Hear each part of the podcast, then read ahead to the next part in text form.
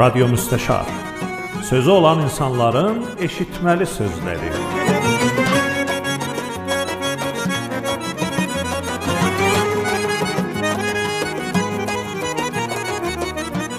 Hörmətli Radio Müstəşar dinləyiciləri, salam, vaxtınız xeyir olsun.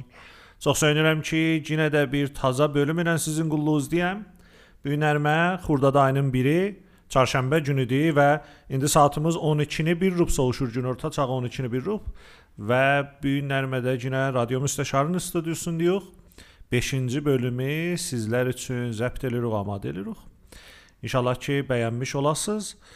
E, əgər bundan qabaqçı bölümlərə də qulaq asmısınız, çox söyünərəm ki, hər bir yolla ki özünüz tanısınız və səlah görürsüz, nəzərinizi bizə çatdırasınız. Radio müstəşar çalışır ki, bu nəslimizdən sözü olan insanların səsin və sözün gələcək nəslə çatdırsın. Yəqin ki, elə bu nəslin özündə də söz söhbətlərə qulaq asmaq istəyənlər çoxdular. Bu gün Ərmə 5-ci bölümdə bir dəyərli qonaq radio müstəşarın studiosundadır. Çox sevimli bir insan. Uzun illərdən bəri mənim dəyərli yoldaşım, musiqimizə gözəl işlər görən və gözəl ünvanlar qazandıran Sayın Ərsalan müdərris cənabları bu gün Ərmə radio müstəşarın qonağıdır. Danışacağıq Ərsalanla Təbrizimizin rock musiqisi haqqında Zeytun ansamblı mövridində, rəhmətlih Bəhram Səffarının haqqında və radio nəhəng mövridində. Bizimlə qalın və gedək görək ki, Ərsalan müdərrisin deməli sözləri nə mənədir. Bir qısa aradan sonra qeydirik studiyaya Ərsalan müdərris ilə söhbətimizi başlayırıq.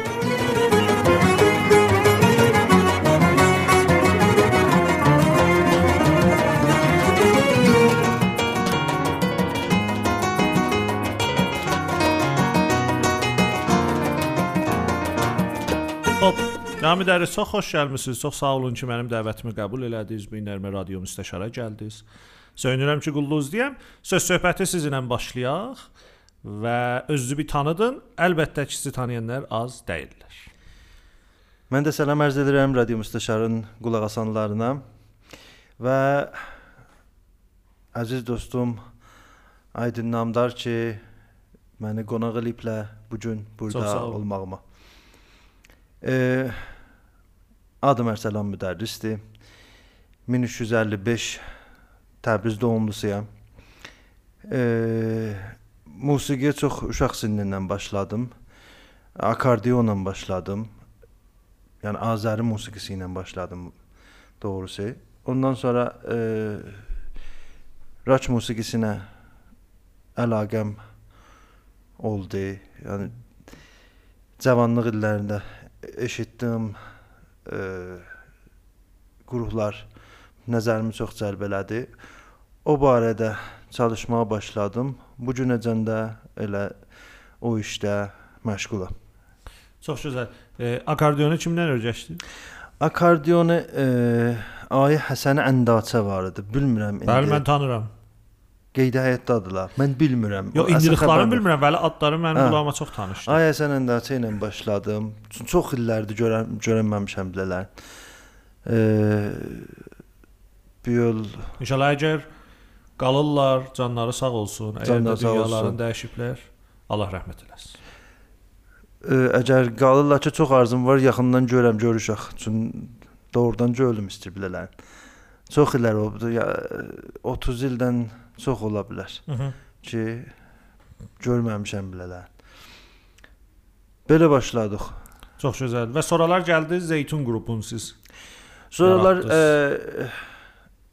Əlbəttə Zeytunun haqqında müfəssəl danışacağıq ha, bəli. E, yəni, bu çox qıssa oldu da Ərsəlan. İnsafən çox qıssa oldu yəni. Öz haqqında çox qıssa danışdın. Bundan çox fikirəm. nə mənə deyim? Hər nə mənə ki səndən bizim dərdimizə dəyər də. Bir şeydə başlayayım. Yo, elə bunu belə gedirik bax. P. Şirinliği də elə bundadır ki, belə gedirik. Yaxşı. Pəs belə deyim ki, tazışdan başlayım. 1355-də anadan oldum Təbrizdə. 1365-də akordeonu başladım. Hani musiqiyə görə danışıram. Eee Ayəndaçə ilə. Eee bir Cavan qardaşı da vardı Mehdi adında. Ondan da o da gözəl badi sazlar çalardı. Bir də gözəl rəqs elərdi, Azəri rəqs. Bəli. Ondan da Azəri rəqs öyrəşmişdim. Bir yol elə gedərdik, gələrdik. Da sonra arada fasilə düşdü, görüşənmədik. Eee cavanlıq, yəni e, mədrəsə illəri deyim də. O zamanlarda kasetlərlə gəlirdi o əlbəldən filan. Mən e, dünya musiqisinə aşina olduq. Yox idi, elə bizət yox idi. Yəni nə internet var idi, nə CD var idi, nə e, heç bir şey yox idi. Nə mahvara var idi. Hı -hı. E, dünya ilə tənha irtibatımız elə ya kaset, nə var kasetlər idi, ya da video filmləri idi. Ya da qramofon səfələri. Qramofon səfərləri dünya ilə irtibat deyil, ilə irtibat idi. Bəli. Dər bəli. Dəqiqə. Bizim illərdəki dünya ilə irtibatımız o şey dünyada ittifaq düşürdü. Ya nə var kasetlə gəldi əlimizə çatırdı ya e, video kasetləri ilə. E, bir tədad musiqiləri eşitdim ki, çox xoşuma gəldi. Yəni o bir xas enerjisi var idi ki, mən o bir musiqilərdə eşitməmişdim belə bizət. E, çox iç elədim. O şey ki, məni çox rock musiqisinə cəlb elədi. E, musiqini bir seri söz söhbət demək üçün istifadə eləməklər idi. Yəni məsəl Pink Floyd kimi qrup gəlmişdi musiqidən istifadə eləmişdi bir seri ictimai dərdləri, bir seri məsa məsələlər ki, ictimada mətrəhdir, bunları bəyan eləmək üçün. Bu məni çox dərəcə cəzb elədi ta ə, rockın ə, mu musiqiyə aid formatı. Yəni rockın içində olmuş o fəlsəfə sizə çox Fəlsəfə cazib mənə edir. çox cəzzabdır ta şey. Ona xatir ə, rockın heç ə, janrına ə, şeyim yoxdur. O cür ə, ürək bağlantım yoxdur. Hər bir janr ola bilər. Mənə mühüm odur ki, ə, bunun söz söhbəti ilə mənə ola bilsin. Ə, bu məni çox cəzb elədi. Məsələn o beləxərə cavanlıqda adam bu cür şeylərlə, ictimailə dərcilik filan o bunlar ə, çox tər yaşır. O zaman bu cür şeylər mənə çox cəlb elədi bu musiqiyə tərəf. Və ə, bir gitar aldım. Başladım çalmağa. Təbiətən nə burada kilası var idi, nə bir, heç bir şey yox idi. Yəni ə, özümüz kəşf elədik bu qəziyyəni. Mhm. Sonra bala-bala internet gəldi, kitablar gəldi, CD-lər gəldi, filanlar gəldi və bunu kamillətdik qəziyyəsini. Bir yıl ə, ta gəldik, yetişdik 1378 ilinə. İki bir üç nəfər yoldaşlarla Məhəmməd Abidinzadə idi. Bəli. E, Mehdi Məhəmmədi var idi dostlardan. İndi Təbrizdə yaşamır, indi fikrim Tehranda olacaq. O da gitar çalardı. Və Əlirza Şəmsi idi ki, Təbrizdə Bəli. Sərd qruhun e, Yenə də fəaldılar. dolandırır. E, Birlikdə də əslində tutduq ki, bir qrup. Əlbəttə ə, Əli sonra izafə oldu biləmizə. Əslin fikrin Mehdi ilə mənlə Məmməd dərvaqə qoyduq ki, bir bir iş görək özümüz çalaq. Çünki mən özüm bir şey şeirlər yazırdım, bir şey melodilər qoşurdum üstünə filan. Elə belə əslində dər hətta bir dənə e, akorddan çalıb oxumaq qalmışdı. Elədik bunları bir şey eləyək, tənzim eləyək, çalaq bax. Və bu qrupun dərvaqə o payəsini qoşduq. Bəli. E, amma o illərdə icazə yox idi ki, biz çıxaq e, icra verək. Konsertə icazə almaq çox çətin idi. Hansı ilin sözü gedir? 78, 79. Bəli. Ta gəldi 79-da biz əvvəl icramızı e, Danışqa Azadın bir dənə Fərux Təhsili cəşnində elə bu tərkiblə gedə bildik. Çox müxtəsər idi, vəli xop onun da mücəvvizin almağına çoxlu dərdisər çəkdik, qəbul eləmirdilər filan. Elə də bizzət yox idi. Ha çox sadə, yəni o zaman icralarını düşün ki, nə mən ola bilər. E, ta biləxərə o dövrənin bir miqdarı təhvilat içi irşadda oldu. E, Muhit irşad, o cəvvi irşad bir miqdar fərq elədi. Biz eləyə bildik 1380-da əvvəl konsertimizi bərqüzar eləyək. E, qalsın ki, e, 80 elə 1380 ilində e, bir dənə də icramız oldu. Ayə Həsən Əbdüləzimzadə ilə. Bəli. biz üçüncü qulluqlara qataq sonra olmadı bu iş. E, çünki elə həmin əfra e, həmin e, uşaqlar idi Dərvaqə timdə. Bir Həsən yox idi. Bəqiyəmiz elə deyə bilərəm həmin adamlar idik. Bu yol və bu O qəziyyə zaman başlandı. Ay Əbdüləzimzadə fikrim Duman qruhun yola Duman saldılar. qruhun, Bəli. Duman qruhun yola salmışdı. Həmin adamlardıq bir e, şey idi, yəni elə günə mən idim, Məmməd idi, rəhmətli Bəhram Səfari idi. Bəli. Bəhram Səfari də sonra bizim qruha izafə olunmuşdu. Nəysə biz o ə, zamanlar mən öz səsimə güvənmirdim. Onun üçün bir xanəndə axtardım. Xanəndə də Davidi tapdıq. David Donald Galosian. David Donald Galosian. Eee David O zaman da David'in bir kafe shop'ı var idi. Kafe shop vardı. Barnavada. Çamakan'da vardı və yerin dəyişib sahibdədir. Barnava koy, koy diyeyim adı da yani. Kafe Istap adın, Kafe Istap adında bir kafe shop'ı vardı. Kafe Stop. İstiqahi Barnavada. qəhvə adında Bəli. bir dənə kafe shop vardı. İndi o yer ki, kafe shop idi, yola gedibdi. Bəli, Barnavada. arasından bir yol Bəli. keçdi. Heyf mən o buna da çox üzülürəm. Çünki məhəllə niyə dağıtdılar? Həm də o məhəlləyə dağıtdılar. Ora bir dənə baftı, e, ayrı cür baftı vardı. Baft niyə gəl əldə idi? Hələ nəysə bu mən bi- bizim söhbətimizi. Yo elə da- o dərdidir. da- Bəli. David e, Davidlə aşina olduq.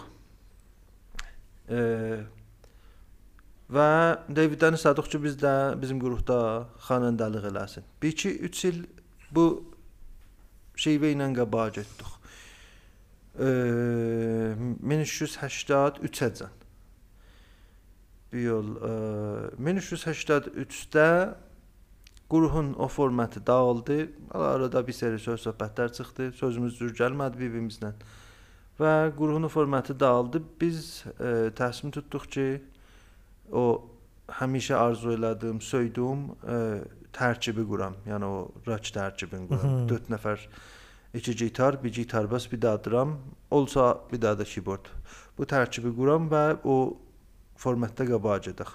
Və e, zehniyyətim bu ki, ya icazə verərlər, onlar bu işə ya icazə verməzlər, özümüzə çalışarıq. Hətta istədiyim bizə də olur. Ki oldu o işdə icazəsini də ala bildik. Hərçənd ki o temləri ki götürdük, lap istədiyimiz dəyirdi. Çox yumuşadırdıq ki burada İcazə icazəsini ala bilək. Amma oldu iş. Dərvaqə o tərkiblə biz sənə çıxa bildik, 4 nəfərli tərkiblə sənə çıxdıq.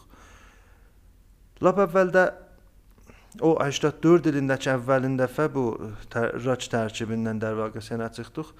Çoxlu Dərvaqə Azərbaycan mahnıları idi ki, e, formun dəyişmişdik və rock formunda icrayırdıq. Laçın idi, Qurban adı nə idi? Sarı idi. Apartisellər saranı, Sarı gəlin idi. Bunlar hamısı var. Kamilən o xalq mahnıları Xalq mahnılarıdır ki, e, formun dəyişmişdik, hətta bəzən ritmini də dəyişmişdik. 6-8 ritmin 4-4 icra etdik.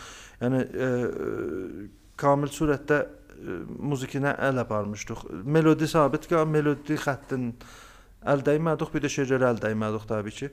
Bəli, bəqiyə şeylərində bəlkə öz formumuza sala bilək bir qədər e, dəyişikliklər icad elədik. Və qəşəng oldu, yaxşı cavab aldıq. Yəni e, gəlib qulaq asanlar çox söymüşlər. Hətta mənə belə bir şeylər də gəldi. Çox e, duyğulandım onda bu mesajlar gəldi. Bilmirdim kimlərdən gəlir. ha. Bu Facebookda bu halda bir sürü bu cür mesajlar gəlirdi ki, e, bir seri o cavan uşaqlara ki o dövrdə farsı danışırdılar Təbrizdə. E, mesaj vermişlər ki, bilmirdik türkçə dilində bu işlərdə görmək olar. Yəni e, e, modern taza dünyaya yaxınlaşmaq olar. Bu yol e, xoşallıq ki, eləyə bilirik bu iş bu işləri eşidək və öz dilimizdə də danışaq. Bəli. Yəni bu bir zehniyyət uşaqlara vermişdi o dövrün uşaqlarına bu zehniyyət vermiş ki, e, öz dilimizdə danışmaq, geridə qalmaq dəyir. Mhm. Bəli. Bu zehniyyət var idi. Bir tədad cavan uşaqlar yadındadır təbii də. İndi də vardılar. E, farsi dildə danışma, yəni e, bunu bir e, şey Hünər bilirlər. özlərinə bir Hünər deməyək, tazalıq bilirlər. Bilirsən, e, yəni deyib bəlkə öz dilimizdə danışsaq çox geridə qalmışıq, çox əqəbmandıyıq dərvaqə Hmm. bu cür deyim. E, amma məsələn o dili danışsa dünya ilə necə məsələn xaricəli gələr burada ha biləsən farsı danışarlar. Görmüsən deyə o düşürdü. Sumun özünə ayrı dildə, özgə Bəli. dildir. Deyər və o dildə desə o da düşünəcək. Belə, bir e, altyapı var zehniyyətlərdə. Bəli, yəni bəli. Hələ də vardı.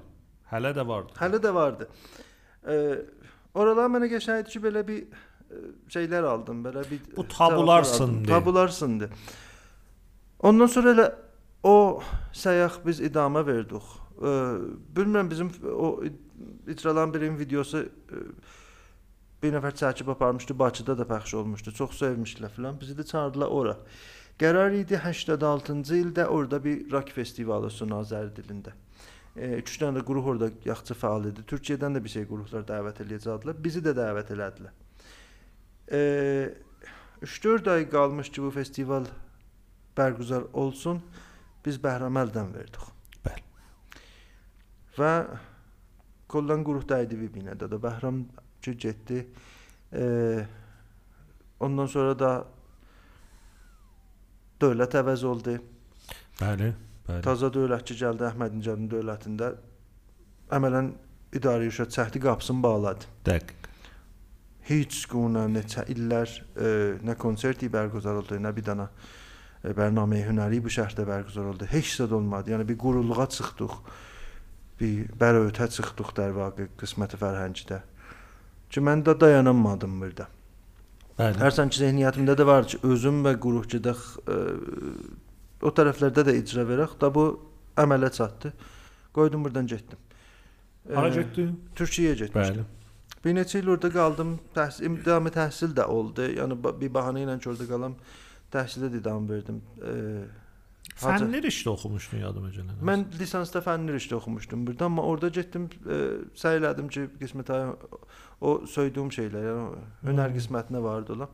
Hacıtepe danışqanında e, tarix fəlsəfi hünərə girdim. Nə gözü? Nə gözü? Fövq lisansımı orada qutardım. Orada da bir üç dənə bir balaca quruq düzəltmişdik, o albəldə çalırdıq.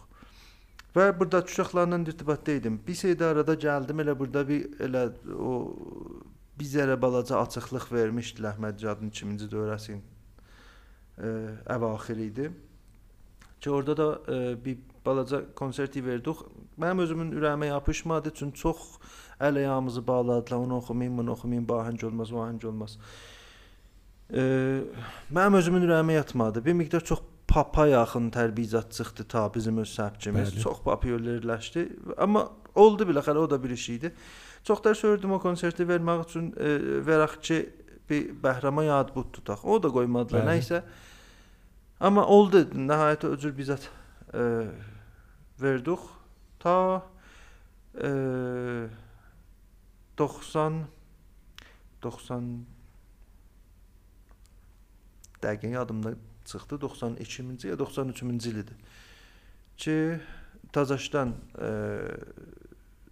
quruh elə o formatı 4 nəfərimizi qurduq. Fəqət də bu seri Sevan yox idi qruhda, yerinə Milad Ədil gəldi gitar basa. Və tazdan fəaliyyətlərimizi başladıq bir seri taza ahənglərlə.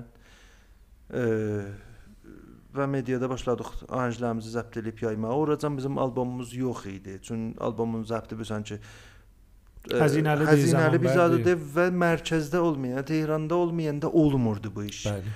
Nə zəbti qəşəng olurdu, nə icazəsini rahat ala bilirdin. Yəni bir dənə ahəngin mücəvvizini almağa gəl adam burdan 4 dəfə duracaq Tehran. Yəni bir dənə albomun dərvaqə mücəvvizini almasan gəl gedəsən yaşayasan Tehranda. Dəqiq. Çünki Dəqiq. dəqiqədə dirşətdəsən. Bu şeiri apar olmadı, virgulun dəş, nöqtəsini dəş, burasını dəş, orasını dəş, filan elə behmən. Gərək Tehranda yaşayasan ya bir nəfərin orada. Bizim də yoxumuz idi belə bir də.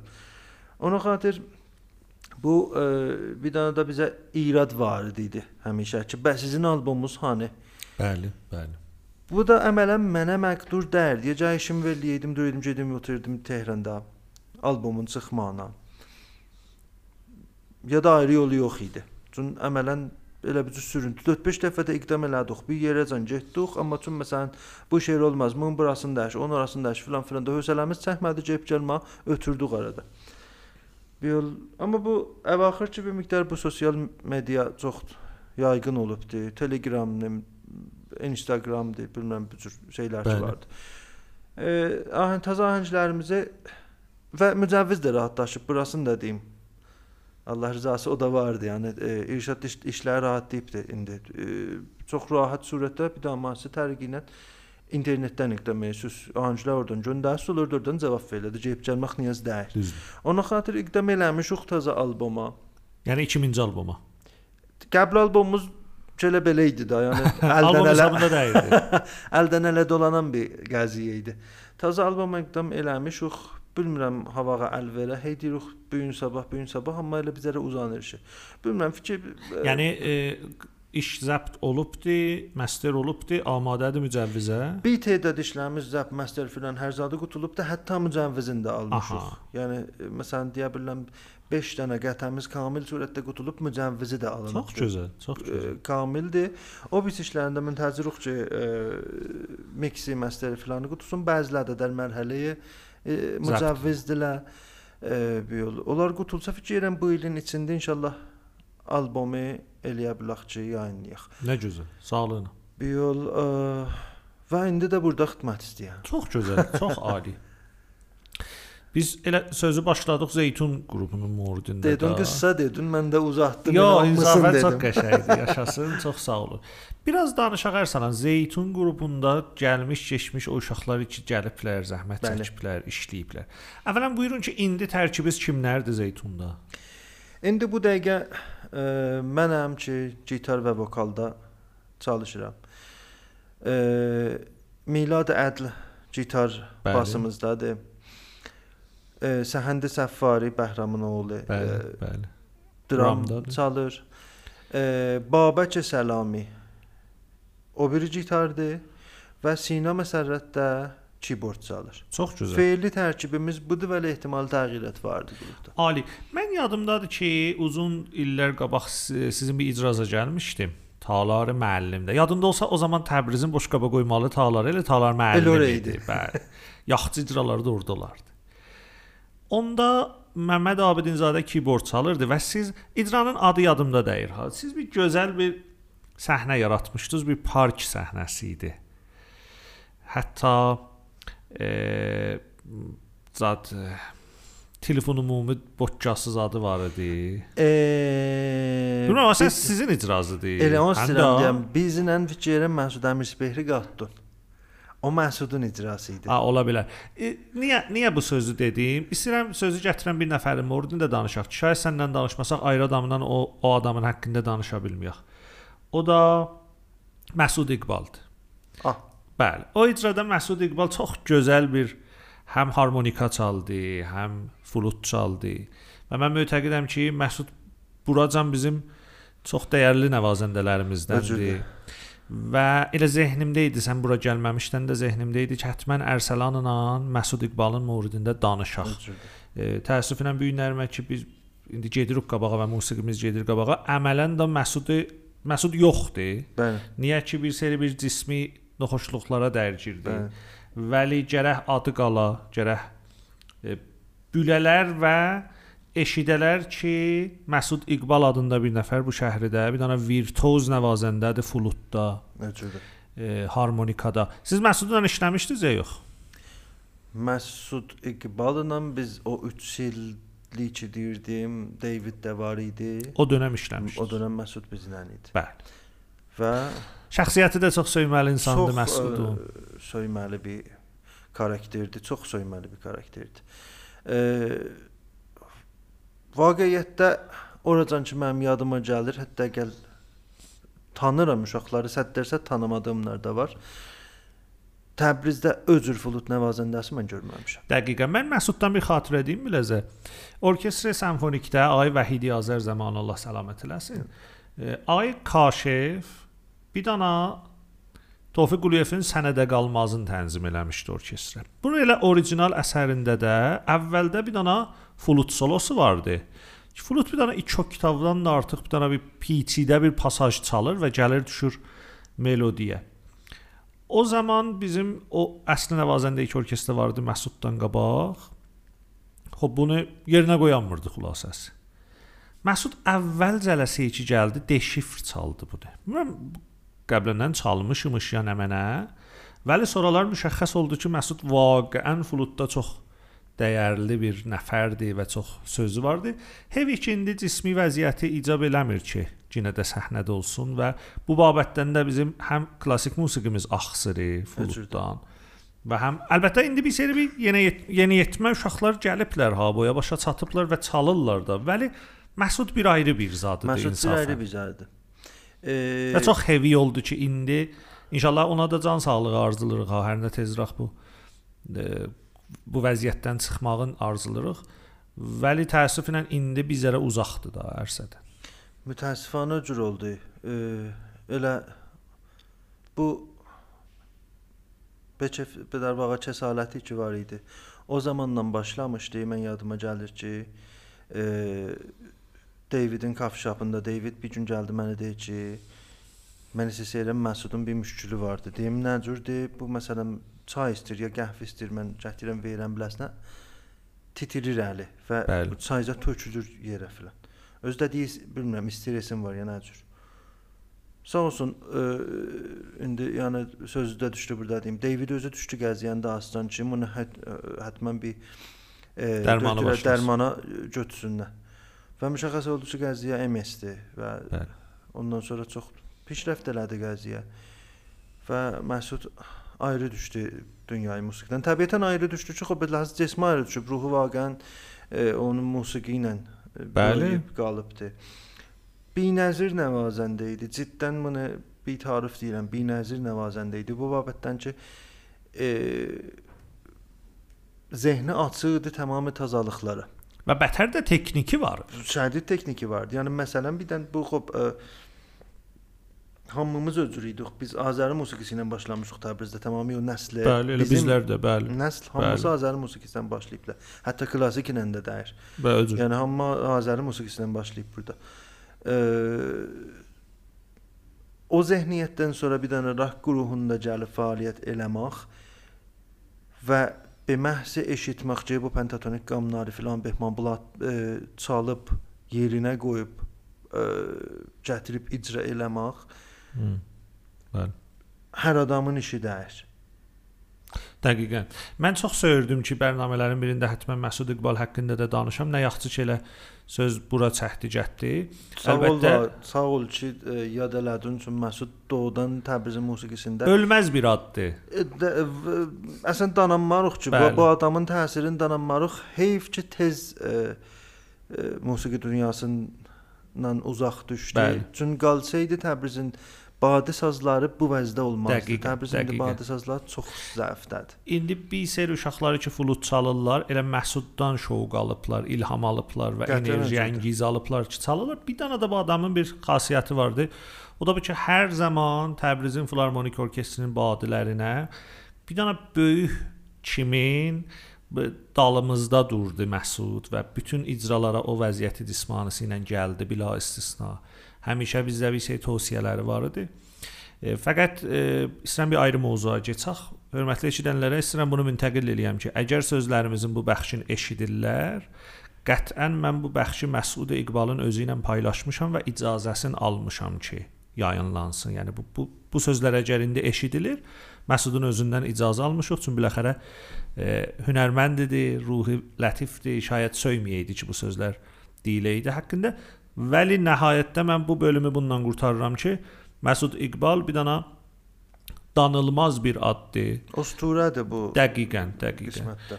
Və biləsinə can sağlığı arzulayırıq. Yaxşı, qeydaq zeytunun morduna. e, o uşaqlar ki, buradan zeytunla işləyiblər və indi yoxdular. Onlardan bir ad aparaq. Çünki biləxərə Rıza Hüseyni bir gözəl söz dedi müstəşarın əvvəl bərnaməsində. O da bu ki, biz bir şəfahi tarix keçirik da, dər vaqe. Və Öcürdür. olmaz ki, bəzi uşaqların adı Öcürdür. gəlməsin. Özürdür. Mən e, bayaq dedim ki, mən biz başlayanda mən idim Məmməd Abdinzadə idi. Abbas Abdinzadənin bilirsiniz ki, qardaşı oğlusudur. Bəli, bəli, Abbas bəli. Hacı məruf. O da elə bizə bir Bəli, osturadır. O da bir ustura در واقع آواز Bəli. bu şəhərdə. E, Əlbəttə Mehdi- Məmməd Məmməd özü də çox söyməli bir karakterdir. Məmməd ha. öz ayrı çox bir söyməli bir e, insandır. Mən burada əyastə saxlayan bir qismətdə Mə- Məmməd oldu, qismət amuzuşgahda da deyim. Nə əlbəttə. gözəl. Aralarda vaqəən yorulmuşdum və istirdim işi qoyam kənara, keçəm dəsən baliyam gəzi yəni. Bəli. Çox qəşəng gəldi. 3 dənə qəşəng tövsiyə elədi biləmə. Bizə ürək verdi və məni ayaqda saxladı. Çox gözəl. Yəni e, düzdür ki, belə hazır musiqiyə hələ bir neçə ildir ki, Bağım həmkar dəyirik, amma Axı başın qatıb ayrı hovuz Aha, ayrı ederiz. amma Məmmədlə e, çox dərin bir dostluğumuz var. Bəli. Çox çox dərin bir dostluğumuz var. Davamlı olsun inşallah. Yaşasın. E, Mehdi Məhəmmədi ki, əvvəldə bizlə oldu da sonra yox idi. Deyirəm indi fikrim Tehrandadır. Cello da çalırdı. Oracan çitilan vardı. Əlirza Şəmsi ki, xop, e, Təbrizdə adlım bir addır. E, Və çox yaxşı nəvazəndədir. Çox yaxşı nəvazəndədir. Dəlili e, bizdən ayrı düşməyə də bu oldu ki, bizim əvvəlin icramız ki, qərar oldu çıxaq səhnə icraya rəsmimiz 80-da e, Əlcəl Şəmsi getdi sərbazlığa. Bəli. Və 2 il xop da, 2 ildə az zaman dərdi. Biz Əlrizanı görənmədik və məcburduq xop startın vurmuşuq işi gedək qaba. Da sonra da Əlrizə gəldi, biləxərə öz ekibin qurdu, öz e, ə, dər vaqe qruhun cürrədi və o yolda fəaliyyət elədi vəlla. Ə, e, o təbliğatı ki, bəzən uşaqlar edirlər در babət در bab məsələn havadari از گروه və havadari باعث olur ki, beynə qruplar bir seri məsail, bir seri söz söhbətlər arasında belə vəziyyət yoxdur. Sən Ərsalan sözümü kəsirəm bəğişlə. Çox gözəl yerə gəldin, yetişdin. Bu gün nərmə şəhrimizdə bir sürü müxtəlif qruplar işləyirlər. Bəli. Rock musiqisində, pop musiqisində, Azərbaycan musiqisində, klassik musiqidə. Biz zahirdə bunların rəqabətlərini görürük. Bəli. Xoş bəzən də uşaq yana rəqabətlər var. Bunu da danmamalıyıq və elə bunu da cəq qəbul eləyək, çalışaq ki, islah olsun. Amma bir dana bu e, icebergin suyun altında olan bir parçası var. o da budur ki, bunların çoxu köhdə bir-biri ilə dərin dostdular. Belə indi də dostdular Öcürdür. və bir yerlərdən başlanıbdı. Bir Özürdür. məktəblərdən boya başa çatıblar. E, Məxsusən baxsaz indi bunların yaşları da bir-birinə çox yaxındır. O rəqabəti ki, zahirdə görüşür Təbriz qruplarının arasında, mənim nəzərimə rişədə elə də dəyir. Və bunu da gərək gözə alaq ki, elə bu rəqabət də rüşdə səbəb olub. Rəqabət pis bir zad da deyil. Əgər əxlaqla ola, düz usulunla ola pis deyil. Hələ ki bu rəqabətin dalısında bir seri gözəl bir qədimi həmkarlıqlar var, bir müştərək düşüncələr vardı. Bu işin həm gözəlliyidir, həm çətinliyidir. Öcürdür. Və istəyirəm taza nəslimiz zahirdə görən qızavətlərə çox da uymasınlar. Yəni misal ərz edirəm ha, əgər bu günlərimə bir dana 12, 13, 14, 15 yaşında cavan uşaq ki gitar alır, alıbdı, çalır, gedir, gəlir. Sənlə Həsən Əbdüləzimzadənin arasında gəl bir rəqabət görürük. Mənim nəzərimə bu zahiridir. Düzdür. Belə bir rəqabət də var, elə olmalıdır da. Vəli vaxtı Ərsəlan müdərris burada danışır ki, uzun illər qabaq Həsən Əbdüləzimzadə ilə birlikdə bir işlər görüblər. Öcürdür. Mümkün deyil də o çönə bir dana düşmənliyə təbdil ola. Fəqət yol ayrılıbdı. Yol ayrılıbdı. Və o yolda icab elə rüşd üçün bir sey rəqabətlər ittifaq düşsün. Bunu istəyirəm taza nəslimizdə nəzərdə alsınlar ki, bunların ustadları eyni zamanda ki, bir-birləri ilə rəqabət edirlər. Bir dərin dostluq da vardı və köh bir köhdür. Yəni təhbi burada deyil, bu dünya musiqisində də bu cür. Bəli. Misal çox tanınmış qruplardan misal gətirəm. Metallica və Megadeth e, metal musiqisinin çox tanınmış adlarıdır. Düzdür. Bunlar bir dənə qruhudular, sonra ayrıldılar iki dənə qruh. Ya Rainbow Touch'ın qruhumuz vardı 70-li illərdə e, ki e, çox e, rock musiqisində e, qüdrətli bir adıdır. Bu qruh dağılandan sonra qruhun içindən 5 daha qruh çıxdı. Və yəni, bu gözəldir. Yəni bu təksir çox gözəldir. Dəqiqən, yəni e, dağılmaq deyəndə savaşıb dağılmaq nəyir? Yəni şahid əvvəllərdə bir seri bir ə, cəhəti yolun ayrılmağı ya e, dərvaqə əfkarın bir-birinlə e, mütəfavit olmağı bir seri məsələn bir söhbətlər olur və yollar ayrılır. Amma bu dəlillə bər keçmişin danmağı dəyir. Rizə ilə burada yenə bir gözəl cümlə yaşadıq. Bu Rizanın sözüdür mən deyirəm. Çünki bilirsən mən də Təbriz Filarmonikdən ayrılmışam və Riza bunu gözəl bir təbiri var idi. O da bu idi ki, yola getmirik deyir, bir yola getmirik. Əhsən, çox gözəldir. Çox gözəl Çox təbirdir. Biz bir-birimizdən yola gedirik. Bəli bu ilzamən bu anlamda deyil ki, elə həmin yola Həman müştərək gedək. Və bu da bu təksir olmaq da çox gözəldir. Yəni şayət şayət gələcəkdə elə bu gün ad apardığımız Zeytun qrupu da bölünə məsələn 2 qrup ola və rock musiqisinin rüşdü də elə ondadır. Öcürdür. Bu düşmənlik anlamında deyil. İstədim bunu təkid eləyəm çünki Qətiyyən. şəhrimiz biləxərə bir də rəqabəti şəhridir. Vəli e, keçmişi də gəl unutmayaq. başarmamışıq. Təəssüflə. bu Bəli. şəhərdə o da deyək. Bəli. Gəlim ki, e, Əlriziyə gəldik. Ondan sonrakı qrupda bir e, əzizimiz var idi. Ağay Əyyub Müqəddəm adında. Əlriza Şəmsiki getdi sərbaz. Biz bu şəhərdə bir dana gitar bas çalan tapamırdıq o zaman. Məsud İqbal da onda qrupda idi. Məsud dedi mən bir ağa tanıram ki, bu qədim zaman inqilabdan qabaq e, Furudgahda zahirən bir e, sen varmış orada bir icraları olarmış orada bir gruhi varmış orada bu bas gitar bas çalarmış. Cəlib oldu. Cəndi bir şəhərdə axtar bu adamı tap. Bəli.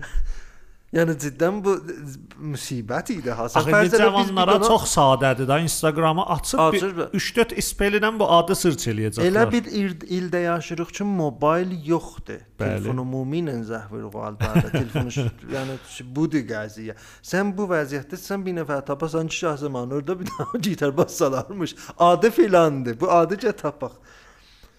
Xülasə sağ olsun. O əl, bu əl, o əl, bu əl, nəm, belə bir adam görmüsüz, belə bir adam görmüsüz. Biz getdik bunu tapdıq. Nə gözəl, nə gözəl. Yol. Gecəyinin getdik qapısını açıq calibidir. Çün iqdam eləmişik cəhəti konsert vəli yarımçılığıq. Aha. Məcburuq o timi kamillə də axşam konsert verəcəyik. Sevan da o zaman gruha vardı olmuşdu. Sevanı Gasparyan. Bəli. Bir yol e, bir də gitar bass almışdı. Ki sonra dərvağı çalsın. O zaman bizdə gitar çalırdı. Bir yol biz getdik bu ağanın qapısına ki, bu cür istəyirıq bir daha konsert verək filan filan. Eşitmişik sizdə belə deyəm bir zaman çalardım. Vəlid inqilabdan sonra sazımızı satdım getdi filan. Əslində sazım yoxdur. Deyir, saz- Məharət var, vəsilə yoxdur. Vəsil. Dedik saz bizdə var. Gəlib çalasan deyəcək, deyəcəklər Nə çalaq. gözəl. Sağ olsun ki gəldi, çaldı. Eee çox da qəşəng oldu. Çox cəlib oldu. Yəni Adım bir də buyurun. Ağay Əyyub Müqəddəm. Çox gözəl, çox gözəl. Bir yol eee çox qəşəng, çox cəlib idi. Eee bir miqdarda xop belə hacı sinni bizdən çox eee üstə idi. Yəni təqribən Əyyubanın eee Do bərabər. oğlu bizim sinnilərdə idi. Bir yol. Ona xatı İbo nəslərin də bir qarışımı oldu orada. Çox cəlib bir tərkib çıxdı. Məsud bu adamı hardan tanırdı? Görmüş də uşaqlıqlarında. Məsud hə uşaqlıqlarında zətdə zahir deyim mən bir yerdə görmüşdüm ki, bir nəfər bu işi görür, adı filan şeydir. Yəni biz onun üzündən getdik bu adamı tapdıq. Çox gözəl, çox gözəl.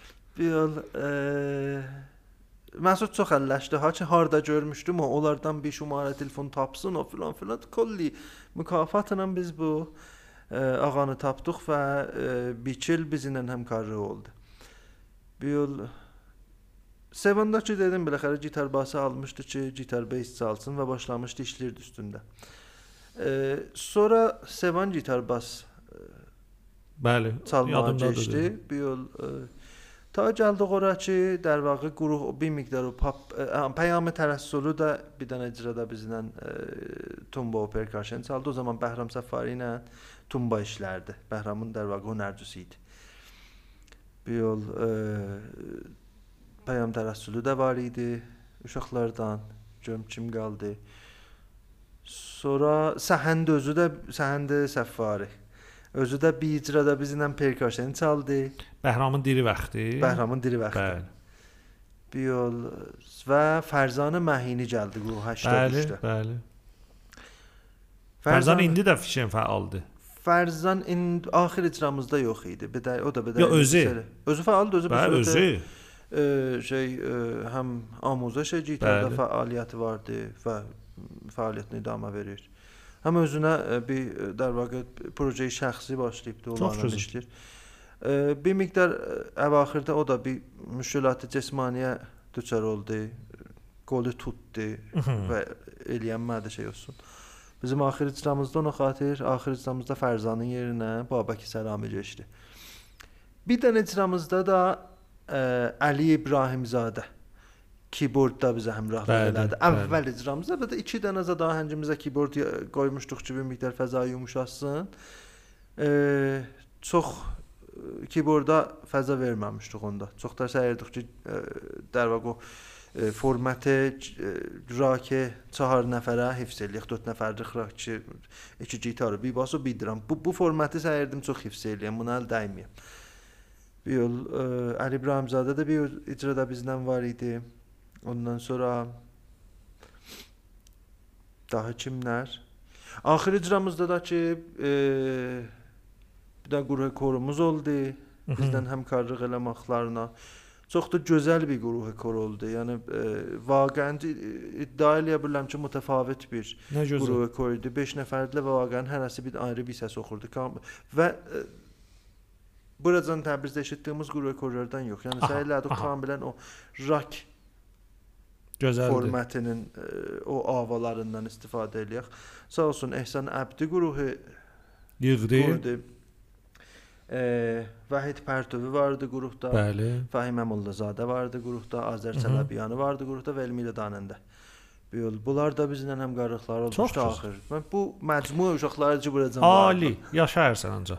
E, çox qısa istəyirəm də bu bölümümüz çox uzanmasın.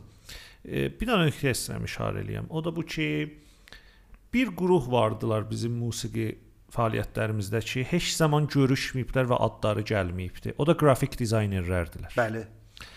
E, bir dənə konsertdən qalan mənim öz etiqadıma. Bir o konsertin filmidir, bir o konsertin posteridir. Buna mən çox mötəqidəm. Yəni mən özlüyümdə posterin dəyərin filmdən də çox Bir bilirəm. dənə mühüm Buyurun. nəfər mən yadımdan çıxdı deyəm. Amac Ənvər. Ax bə o niyə yaddan çıxdı? Bayaqla Amaca Rəcəbi söhbəti Danışdıq, danışdıq. O burada yadımdan çıxdı deyəm. Ona deyib, Amacın adı yazdım. Amac ən bəşlə bu söhbəti xahiş edirəm. Amacın Amac həm bir neçə dənə bizim e, posterlərdən tərəfləq Bəli. Bir dənə, iki dənə, hətta 3 dənə şayət konsert hətta çox dərs. İndi fikirləşdikdən görürəm ki, filmlərin işləyib. Bəli, bəli. Ondan sonra 3 dənə icrada bizlə bas çalıbdı. Bəli. Ondan sonra Sevan çıxdıqdan sonra Bəli. Sevan e, Amac gitar basımızı çalırdı. Ondan sonra Radio Nəhəngdə hələ Bəli, yetişəcəyik, danışacağıq filan. Ona xatir Amac Ənvər bir dənə e, addır ki, Zeytunda əsən qabilə iğmaz Mən dəyildi. fikirəm o qəd por rəng idi ki, görmədin. Hə mən səsləndim ki, Amacı hamı bilir də. Amac və onlar da burada. e, mənim özümün də bu, bu adama çox iradətim var daha, yəni təfəkkürünü çox söyərəm. E, karakteri çox söyməli bir adamdır. Fövqəladə, yəni qisməti məxsusən hələ qrafik o, nə bilirəm filan bu işlərdəki vaqəən. Yaxşı, mən istəyirəm sözü gətirəm sizin son konsertinizin posterinə. Çünki mən onu çox bəyəndim. Mhm. Çox çox bəyəndim. Bax bir mən rock musiqisinin müxatəbi deyirəm. Heç nə qulaq asanıyam, nə konsertinə gələniyəm. O poster məni dəbətdi. Yəni mənim nəzərimə çox gözəl bir poster idi. Kim işləmişdi o posteri biləcə? Posteri müştərək surətdə ə, Siyavəş Rad və Şahin Ələvi. Bəli, Şahin Ələvi. Xop mən Siyavəşi tanımıram, bəli Şahin Siyavəş şəhərimizin yaxşı Dər vaxt film sazdır, çoxlar film üstündə e, şeydir. Əks, əksi siyavəşrət salmışdı. Çün əksi də çox xas əksi idi. Bəli. Elə o idi və də gözəlliyi elə onda idi. Tərrahi, poster və tərkib bəndi. Əlbəttə Şahində o gecə vardı. Yəni o əksin salmağı bir gecə səhərəcən çəkdi. Bir, elə bir cür gen oturunurdu, əksi olmadı. Bəli e, Şahin öz də huzuru vardı, Siyavəşlə e, şey edirdilər. E, dərvaqə tərrah və qrafist Şahin Əlavi idi və əksi qəziyə Siyavəş Rəddan idi. Bahimlıqda bu poster çıxdı. Mən özüm də yəni indiyəcən bu 20 ildən çaya 20 ilə yaxındır. E, öcür bir poster Bəli, bizə işlənməmişdi. Dəqiqən öcürdü. E, çox sağ olarsan. Mən bir son sözü də istəyirəm deyən bu bölümü sona verək. O da bu ki, e, həttəmən gərək musiqi qrupları, qrafik dizaynerlərlə düz irtibata keçələr və mütəvəccüh olalar ki, bir dana poster, bir dana konsertə fəqət ittila risanəsi dəyir ki, bilet satılsın. Bəlkə o poster qalar bir zaddır və o icranın, o qrupun hoviyyətidir. Əlhəmdülillah şəhrimizdə də az yaxşı qrafik dizayner yoxdur. Fəqət təəssüflə görürük ki, bəzən müraciət edirlər bir seri iş bilməz adamlara və nəticəsində olur bir seri zəif posterlər. Bu bu sözünlə də vaq istədim ki, bu bölümü sona verək. Çox sağ ol ki, birinci bölümdə bu qədər gözəl danışdın və enerjili söhbət getdi.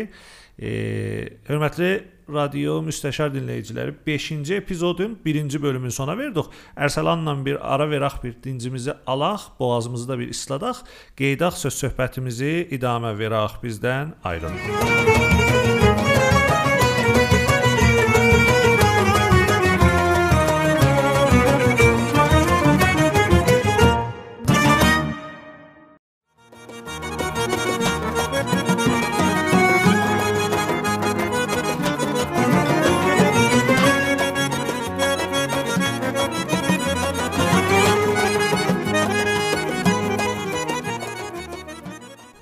Hörmətli radio müstəşar dinləyiciləri, 5-ci epizodun 2-ci bölümünə xoş gəlmisiniz. E, Ərsəlan müdərris cənablarının qulluğunda söhbət aparırıq Təbrizin rock musiqisindən. Əlbəttə 1-ci bölümdə müxtəlif sözlər eşitdik, xüsusən Zeytun qrupunun haqqında və rock musiqimizə təsir qoyan insanların adı gəldi.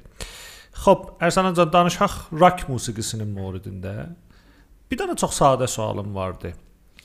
Siz Təbrizin və Azərbaycanın bu tay Azərbaycanın rock musiqisinin gələcəyini nə cür görürsüz? Əlbəttə, əgər söz söysəz bu suala elə o tay Azərbaycan mövzusunda cavab verin ha. Yəni kullan türk dünyasının rock musiqisinin gələcəyini nə cür görürsüz? Aydıncan bu söhbətə danışmaq üçün gəh biz keçmişə baxaq ki, gələcəyi düşünə bilək. Yəqin bəli. E, əvvəl bir rock musiqisinə rəcə bir balaca bir tozih deyim ki, e, hamının bildiyi kimi e, təqribən 1950 miladi illərdə bu e, Avropa və Amerikadan başlayan bir e, musiqi janrı oldu. Pop musiqisinin bir şaxəsi olaraq çıxdı. Sonra bir seri siyasi cəryanlara qarışdı, gəzi, bir seri ictimai hərəkətlərə təbdil oldu. Məsələn, ə, Afrikadakı ölkələrin aclıqlarına kömək yığmaq üçün ondan sonra Bəli. dünyadakı bir seri cəngə qarşı bir hərəkətlər, məxsusən Vyetnam cəngi lap ə, başda gələn söhbətlərdəndir. 2-ci Dünya Savaşı ə, başda gəl- gələn söhbətlərdəndir ki, bunlara qarşı bir hərəkətlər yaratdılar. E, və demək olar hər 10 ildən bir bu simasını dəyişdi. Yəni ə, 70-ci illərin ə, şeylə ə, bu Raki ayrı bir ə, şey vardı, ayrı bir dadı vardı. Əhvalatlarıdır. E, 80-larda bir ayrı cür oldu, 90-larda bir ayrı cür oldu, 2000-lər gəldikdən sonra bir ayrı cür oldu. Çün günün musiqisi idi. Hı -hı. Günün əhvalatı ilə də qəziyə fərq elirdi. Yəni e, sosializm dünyası dağıldıqdan sonra əsən rock musiqisinin e, cəhəti ayrı tərəfə getdi. Dərhal ki biz e, 70-lərdə, 80-lərdə ayrı model biz gördük. Çün e, dünyada bir ayrı qutb da var idi. Bəli. Bunlar e, yəni dünyadakı təhvillat, cənglər, savaşlar, bilmirəm, siyasi əhvalat, ictimai əhvalat, coğrafiyanın dəyişməkləri, ondan sonra insanların dərdləri, bunlar hamısı e, rock musiqisində sözdürlər deməyə. Və buna təsir qoyubdu. Fəlsəfəyə ki, e, günüm o günə təsir qoyur. E, bu gəlibdi. Bəli, Yəni bəli. bir sürü e, ahənglərdə, bir sürü qrupların işlərində. E, ona xatir günümüzün dərvaqə sözüdür. E, bu babətdən dünyada xas bir yeri var və hər gün bu dərhalı təğyirdir. Bəli. O üzün dəyişir. Modeli rəftarısın dəyişir, modeli iraəsin dəyişir. Bərxəlafı klassik musiqidə. Bərxəlafı klassik musiqi, klassik musiqi, klassik musiqi də dəyişibdi. İndi klassikləşib. Yəni barok zamanında barok musiqisi eşidirik. Həm də bəli indi Sonra 100 ildən çoxdur ki, elə o adətlərinə, ənənələrinə çox Onun adını qoymuşuq barok, o birisinin adını qoymuşuq romantik, o birisinin adını qoymuşuq klassik, o birisinin adını qoymuşuq məsələn Grunwaldda Rönesans filan. Yəni bunlar öz zamanında odur. Sonra çehrəsini dəyişir, üzünü Ödür. dəyişir, ayrı bir şəkildə gəlir qabağımıza. Niyə üçün cünü dəyişilibdir şey.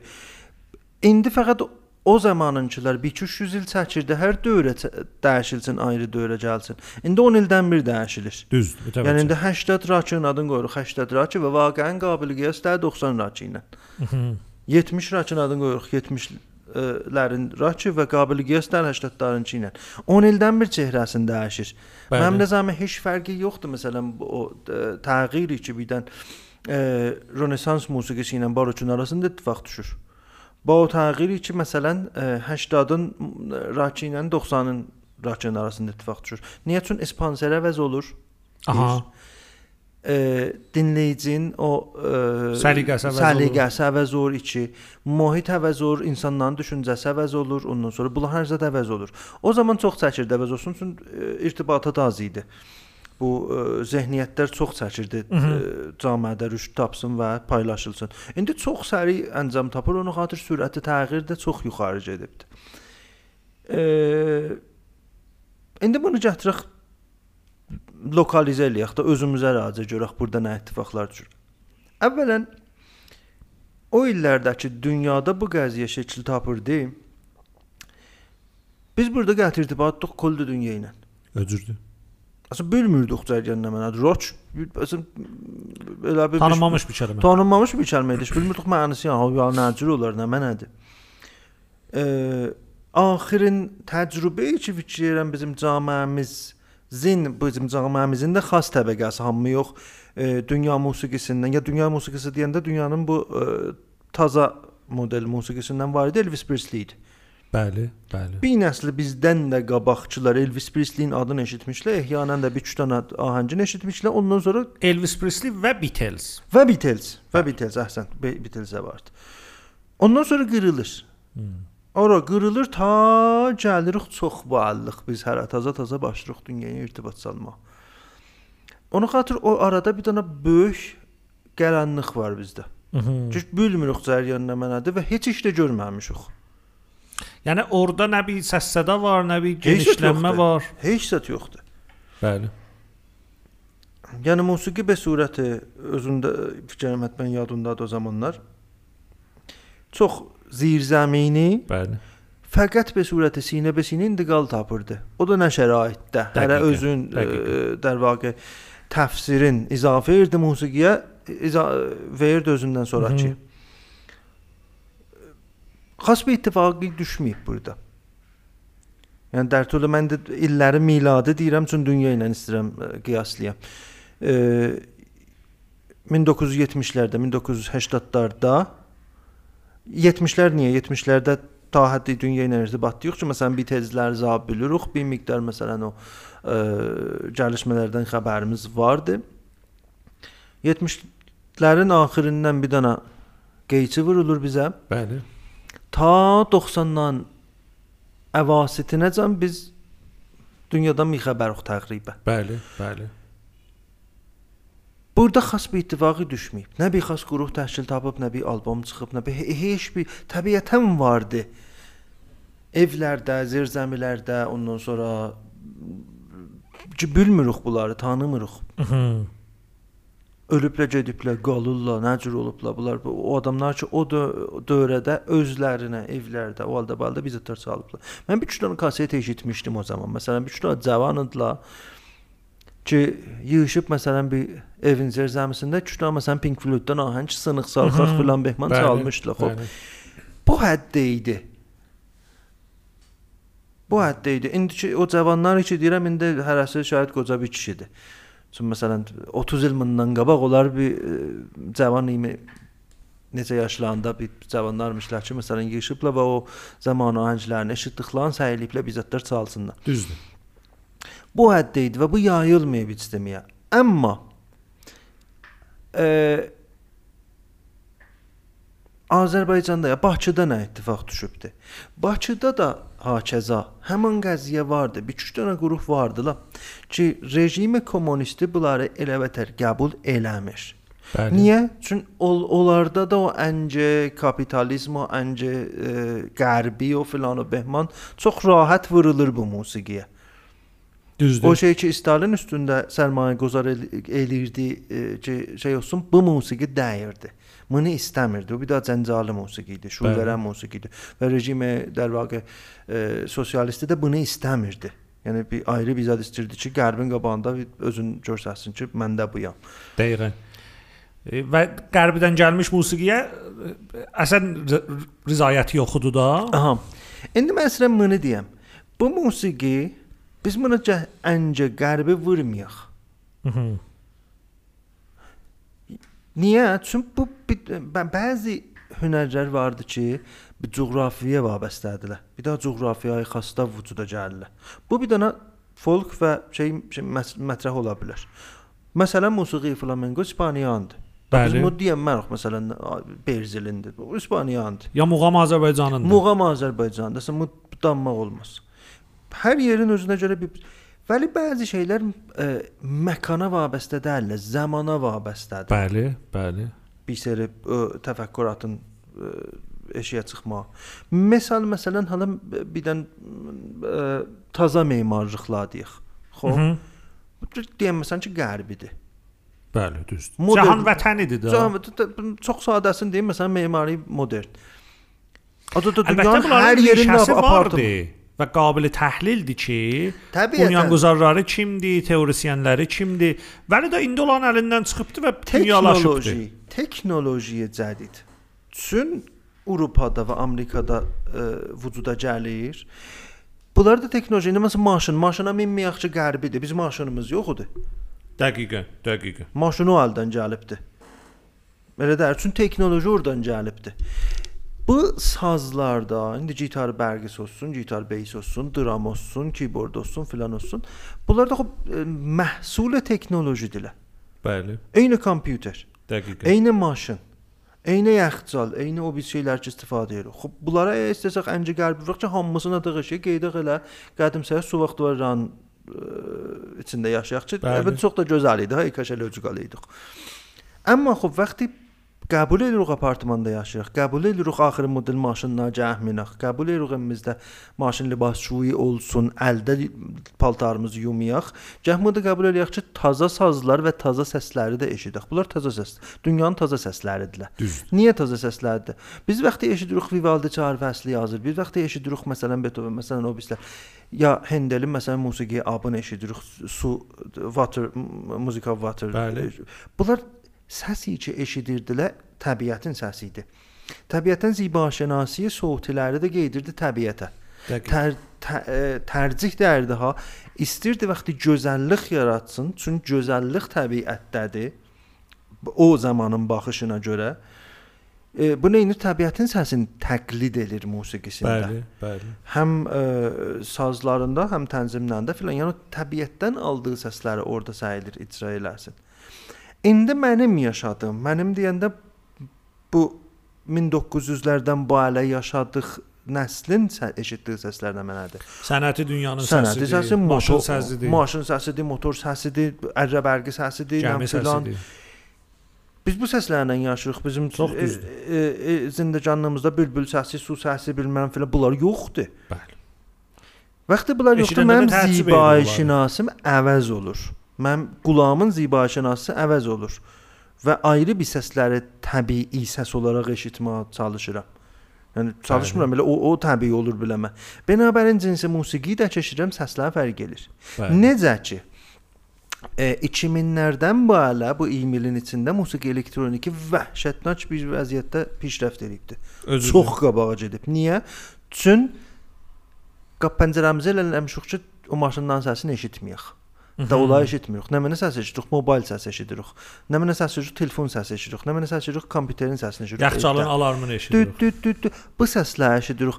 Pəs zibaşinasiyə qulağımız cin əvəz olubdu. Çox düzdür. Ona görə musiqi elektroniki şədid vəzdə pişrəft edir. Niyə pişrəft edir? Bəncə alanı çox, eşidəni çox olur. Qulaqsanı çox olur. Çünki qulaq ona adət edib söyürük onu eşidək. Mhm. Bundan qabaq ki, nə söyürdü o ə, gitar bərqi səsin qajıquş, danqudunq filan behmə bunlar heç niyə? Çünki qulaq bala bala adət edir o motor səsi filan səsi bunlara. Və necə ki elə bu cür tut get ta məsələn Qurunvostiyacan yeri var gedək ki, onlar nə mənə eşidirdilər. Düzdür. Bu ə, cəryan burdan yaranır. Ona xatir mən bir dənə bu peşinəni dedim ki, bunu deyəm ki, bu musiqi, bu ə, alətlər ki, təzə çıxıbdı. Bunlar xas bir ə, yerə aid deyillər deyək qərbi. Yox, bunu Japonda da çalırlar, bunu Afrika cənubunda da çalırlar, Kongoda da çalırlar, hər yerdə çalırlar.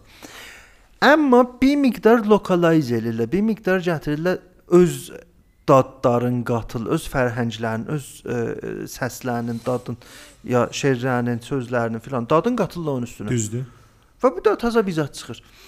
Bunun qabağında e, e, dayanmaq eləyənməz bizim fərhəngimizi ya o şey ki qədimidir biləmizə, o şey ki taxtçıya qoymalıdır və saxlamalıdır, onu böyütsün. Çox qəşəng. Biz deyirik və bunun qabağında dayansaq, Bunun kiçiltmək, onun böyütmək Aha, anlamında deyil. məsələn o əsl musiqimiz böyüyəcək. Belə bir zət yoxdur. bəli, bəli. Əslən bunlar qabiliy qiyas vizitlər deyillər. Həmin şeydir ki, dedim o uşaqlar mənə məsələ vermişlər ki, biz deyirik və öz dilimizdə danışsaq çox geridə qalmış bir adamıq. Mhm. Niyə? Çünki biz həmişə öz dilimizi, öz fərhəngimizi e, iki, neçə 500-600 il bundan qabaqla elə hey görsədirik. Bəli. Bizdə tazalaşaq nə olacaq? O da yerində. O gözümüzün üstündə başımızın tacıdır. Onun yeri ayrı bir zətdir. Vəli taza bir zətdən də qabağını almaq baş olmaz o böyüsün. Çox qəşəng buyurursunuz. Bu Bir dənə məsələ idi ki, çün ə, dərci ruh dər vaqe ictimamızda bundan çə e, orqanlardakı təfəkkürünün çə cəmaətin arasındakı təfəkkürünə xatır. Əslində əvvəldən bunu deyəm ki, əvvəl dərəcədə bunu bu düzü düşünək ki, bu qərbi dəyir. Bəli. Hər bir yerin ola bilər. Bu bu Şahani zaman. Bu bu zamanın musiqisidir. Bu bu zamanın işidir. İndi gələk-gələk burada nə ittifaqlar düşüb. Özü ki də e, bizim burada təqribən 90-dan arasınacan elə heç nə yoxdur. Heç bir şey yoxdur. Ta zaman ki e, dər vaxt dövlətə ay xatəmə gəldi və irşad bir miqdar açıqlıq verdi. Nə bizim bir konsertimiz vardı, Bəli. nə bir heç zət yox idi. Dəqiq. E, ondan sonra bala-bala başlandı bir işlər görünmə. E, Azərbaycanda da bu cürdür. Bir tədad yox, məsələ ə, qurumlar var ki, bir işlər gördülər, amma eləyənmədilər dayansınlar. Çə belə hazır fişari ki, dövlət bilən gətirdi. Çə belə hazır ki, cəmaətdə də tələb yox idi əlbəttə bu tazalıqlara. Bəli. Çoxlar söylədilər ki, özlərinin o keçmişlərin mürür eləsinlər. Çoxlar söylədilər ki, şey ki, media bilələrinə təhmil edir, o görs görsünlər. O xoşayəndlərdir bilələrinə. Və necə ki, yuxu təkin quruq orada təşkil tapdı. Çox qüdrətli bir quruq, çox təsirgüzar bir quruq. Amma məcbur oldu qarşısın oradan. Bəli. Təhdi, əlbəttə düzdür, onlar düz o dövlətin sosialistinin axır qismətlərinə rast gəldilər ki, Qorbaçov dağıtdı filan. Amma bəli, xop, axırda qoydu qaçdılar. Getdilər İstanbulda da Allahun Valahun hamı hərə dağıldı. Bir tərəfə biri bir dana quruha çalır, heç adını da demirlər. Biri qeydib dindorda e, Sumqayıtda e, dərvaqə alkol olubdu və Əcəb. dünyasını sürür. Ey zət, yəni heç zət. Biri qaçıb Moskoda bir dənə ayrı qruha oxur. E, yəni o gözəllikdə quruq, o təsirgüzarlıqda quruq eləyə bilərdi dünyanın mətrəh qurumlarından olsun. Amma çün öz dərvaqə o torpaq ki oradan çıxıb, o milləti ki oradan çıxıb, buna ərziş vermədi. Bu dağıldı və e, heç qutuldu. Düzdür. Təbdil oldu bir daha tarixə ki, biz və adını deyək ki, belə bir qrupda var idi. Təqribən 10 il bundan qabaqdı. 2007-də mən getdim Bakıya ki, dedim istəyirdik bir. O zaman qrup gözəl qruplar vardı Bakıda. Rak qrupları. 2007 12 il qabaq. 13 il qabaq. Gözəl qruplar vardı, amformal var idi. Ki, hətta namizəd oldu getsin Eurovision-ə. Ki, hər hal tərcih verdilər pop qrup, pop xanəndələrindən göndərsin onda. Milan qrupu var idi. Eee Kol Dünya var idi. Kol Dünya bir dənə qrup idi ki, əgər o dövlət ona sahib çıxaydı, əgər o millət ona sahib çıxaydı, indi dünya dərəcəsində bir dənə qrupumuz var, bizim Dream Theater Bəli. e, raş dünyasında ki, xub çox dev bir. Mhm. Yəni e, çox əcib qərib musiqisi var, çox xas musiqisi, modern musiqisi, musiqinin düşüncəsini qatıblar. Rockla, ondan sonra bir seri klassik temlərdən filan çox qarışıq bir zətdir və çox ağır musiqisi var. Yəni çox ə, çətin bir musiqidir dar vaqa bu cür deyim. Qulaq asın, mən iddia eləmirəm. Qulaq asın. Kol dünya bir dənə quruq idi ki, Dream Theater olmadan bu bu işləri görmüşdü. Bəli. Alim Qasımovla bir dənə müştərək iş verdilər. Rock musiqisini qatdılar muğamından. Demaqla qutulmaz ki, nə qədər gözəl, nə qədər yuxarı, nə qədər ağır bir iş idi. Niyə yoxdur? Niyə heç kəs eşitmədi? Eş mütməinnəm siz də eşitməmisiniz ruhun adını. Təəssüfdür bunun adını heç kəs eşitmir. Yəni bu bir dənə quruq idi ki, eləyə bilərdi məmləkətinin adını, o millətinin adını dünyada eşitdirirlər. Özürdür. Çünki e, dünyada o iş, o hərəkət əncam tapmamış, bunlar o işi görürdülər. Çox qəvi idilər. Qulaq ritmlərinə, əcib qərib ritmlər. Yəni e, normal 4-4 ritmi tutmayıb gedə. Birdən bir mizan 5-4 çar, bir mizan 4-4 çar, bir mizan nəmli. Əcayib Hmm. olsa. Muğamla bu işi qatmaq bir dənə böyük zehn istəyir. Yəni muğamdakı ittifaqları ki, düşür, ittifaqları ki, bu musiqi. Çox qəvi. Mənzur indi sözü bura gətirirəm. Niyə bizdə gerinə getmir iş? 2 dənə qəziyyə var. Bu tərəfdə bəstər yoxdur. Bəstərçi yoxdur, elm o danış yoxdur. Elm o danış yoxdur, iş tolid olmur. O tərəfdə bəstər vardı. Elm o danış vardı. Himayət yoxdur. Yaxçın. O dəlillə görə Azərbaycan türküsündə e, rac eləyə bilərdi dünyada mətrəh ola. Bu tayı demirəm. Bu tay deyəndə bizim türklər e, demirəm. E, Az Kurlə. Bakıdakılar deyirəm. Eləyə bilərdilər onlar mətrəh eləyir. Çünki orada ciddi dərəcədə qəvi qruplar var idi. Niyə olmadı? Sən himayət yoxdur, nə dövlət tərəfindən, nə millət tərəfindən. Qulasanlar yoxdur. Bəli. Onlarda da axı bir dənə bir baxış vardı ki, əgər belənçi musiqilər rüşd tapa muğam zəiflər. Aa, qeydli xüsus. Bəli, də hal ki bu deyir. Bu deyir. Yəni əgər o məmləkət eləyə istəsəydi adın dünyada e, eşitdiril eşitdirə, eləyə bilərdi o görə. O qruhda o potansiyel var idi ki, dünyada bunun adı mətrəh eləyir. Çünki o qədər e, qüdrətli işlər var ki, elə bilər. Necə ki indi məsələn Japonlu bir qrup var Loudness adında. Hı -hı. Tamamilə festival e, rock festivallarında dünyada Japon pərçəmi gəzir. Qüdrətli qəvi işləri var. Bütün festivallara dəvət edirlər. Bəli. İspaniya, ondan Alman, Paris, o alba hər yerə gedirlər. Sepultura adında qruhumuz vardı, bir zildən çıxdı.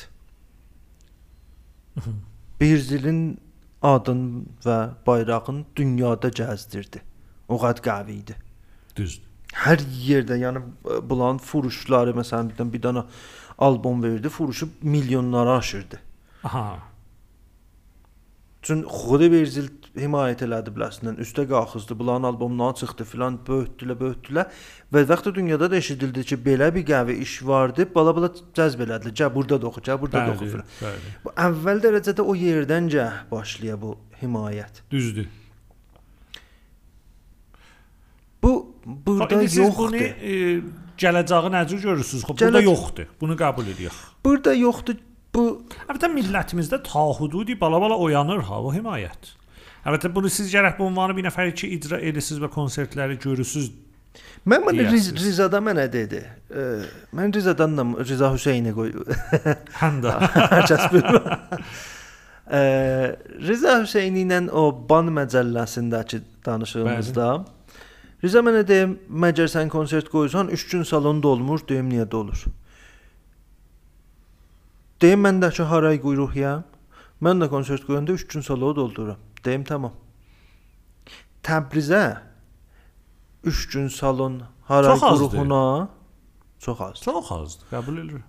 Təbrizə, Zeytun qurğuna 3 gün niyə? Çünki bələnçi makam bəndi gəlir burada axı 8 seans satır.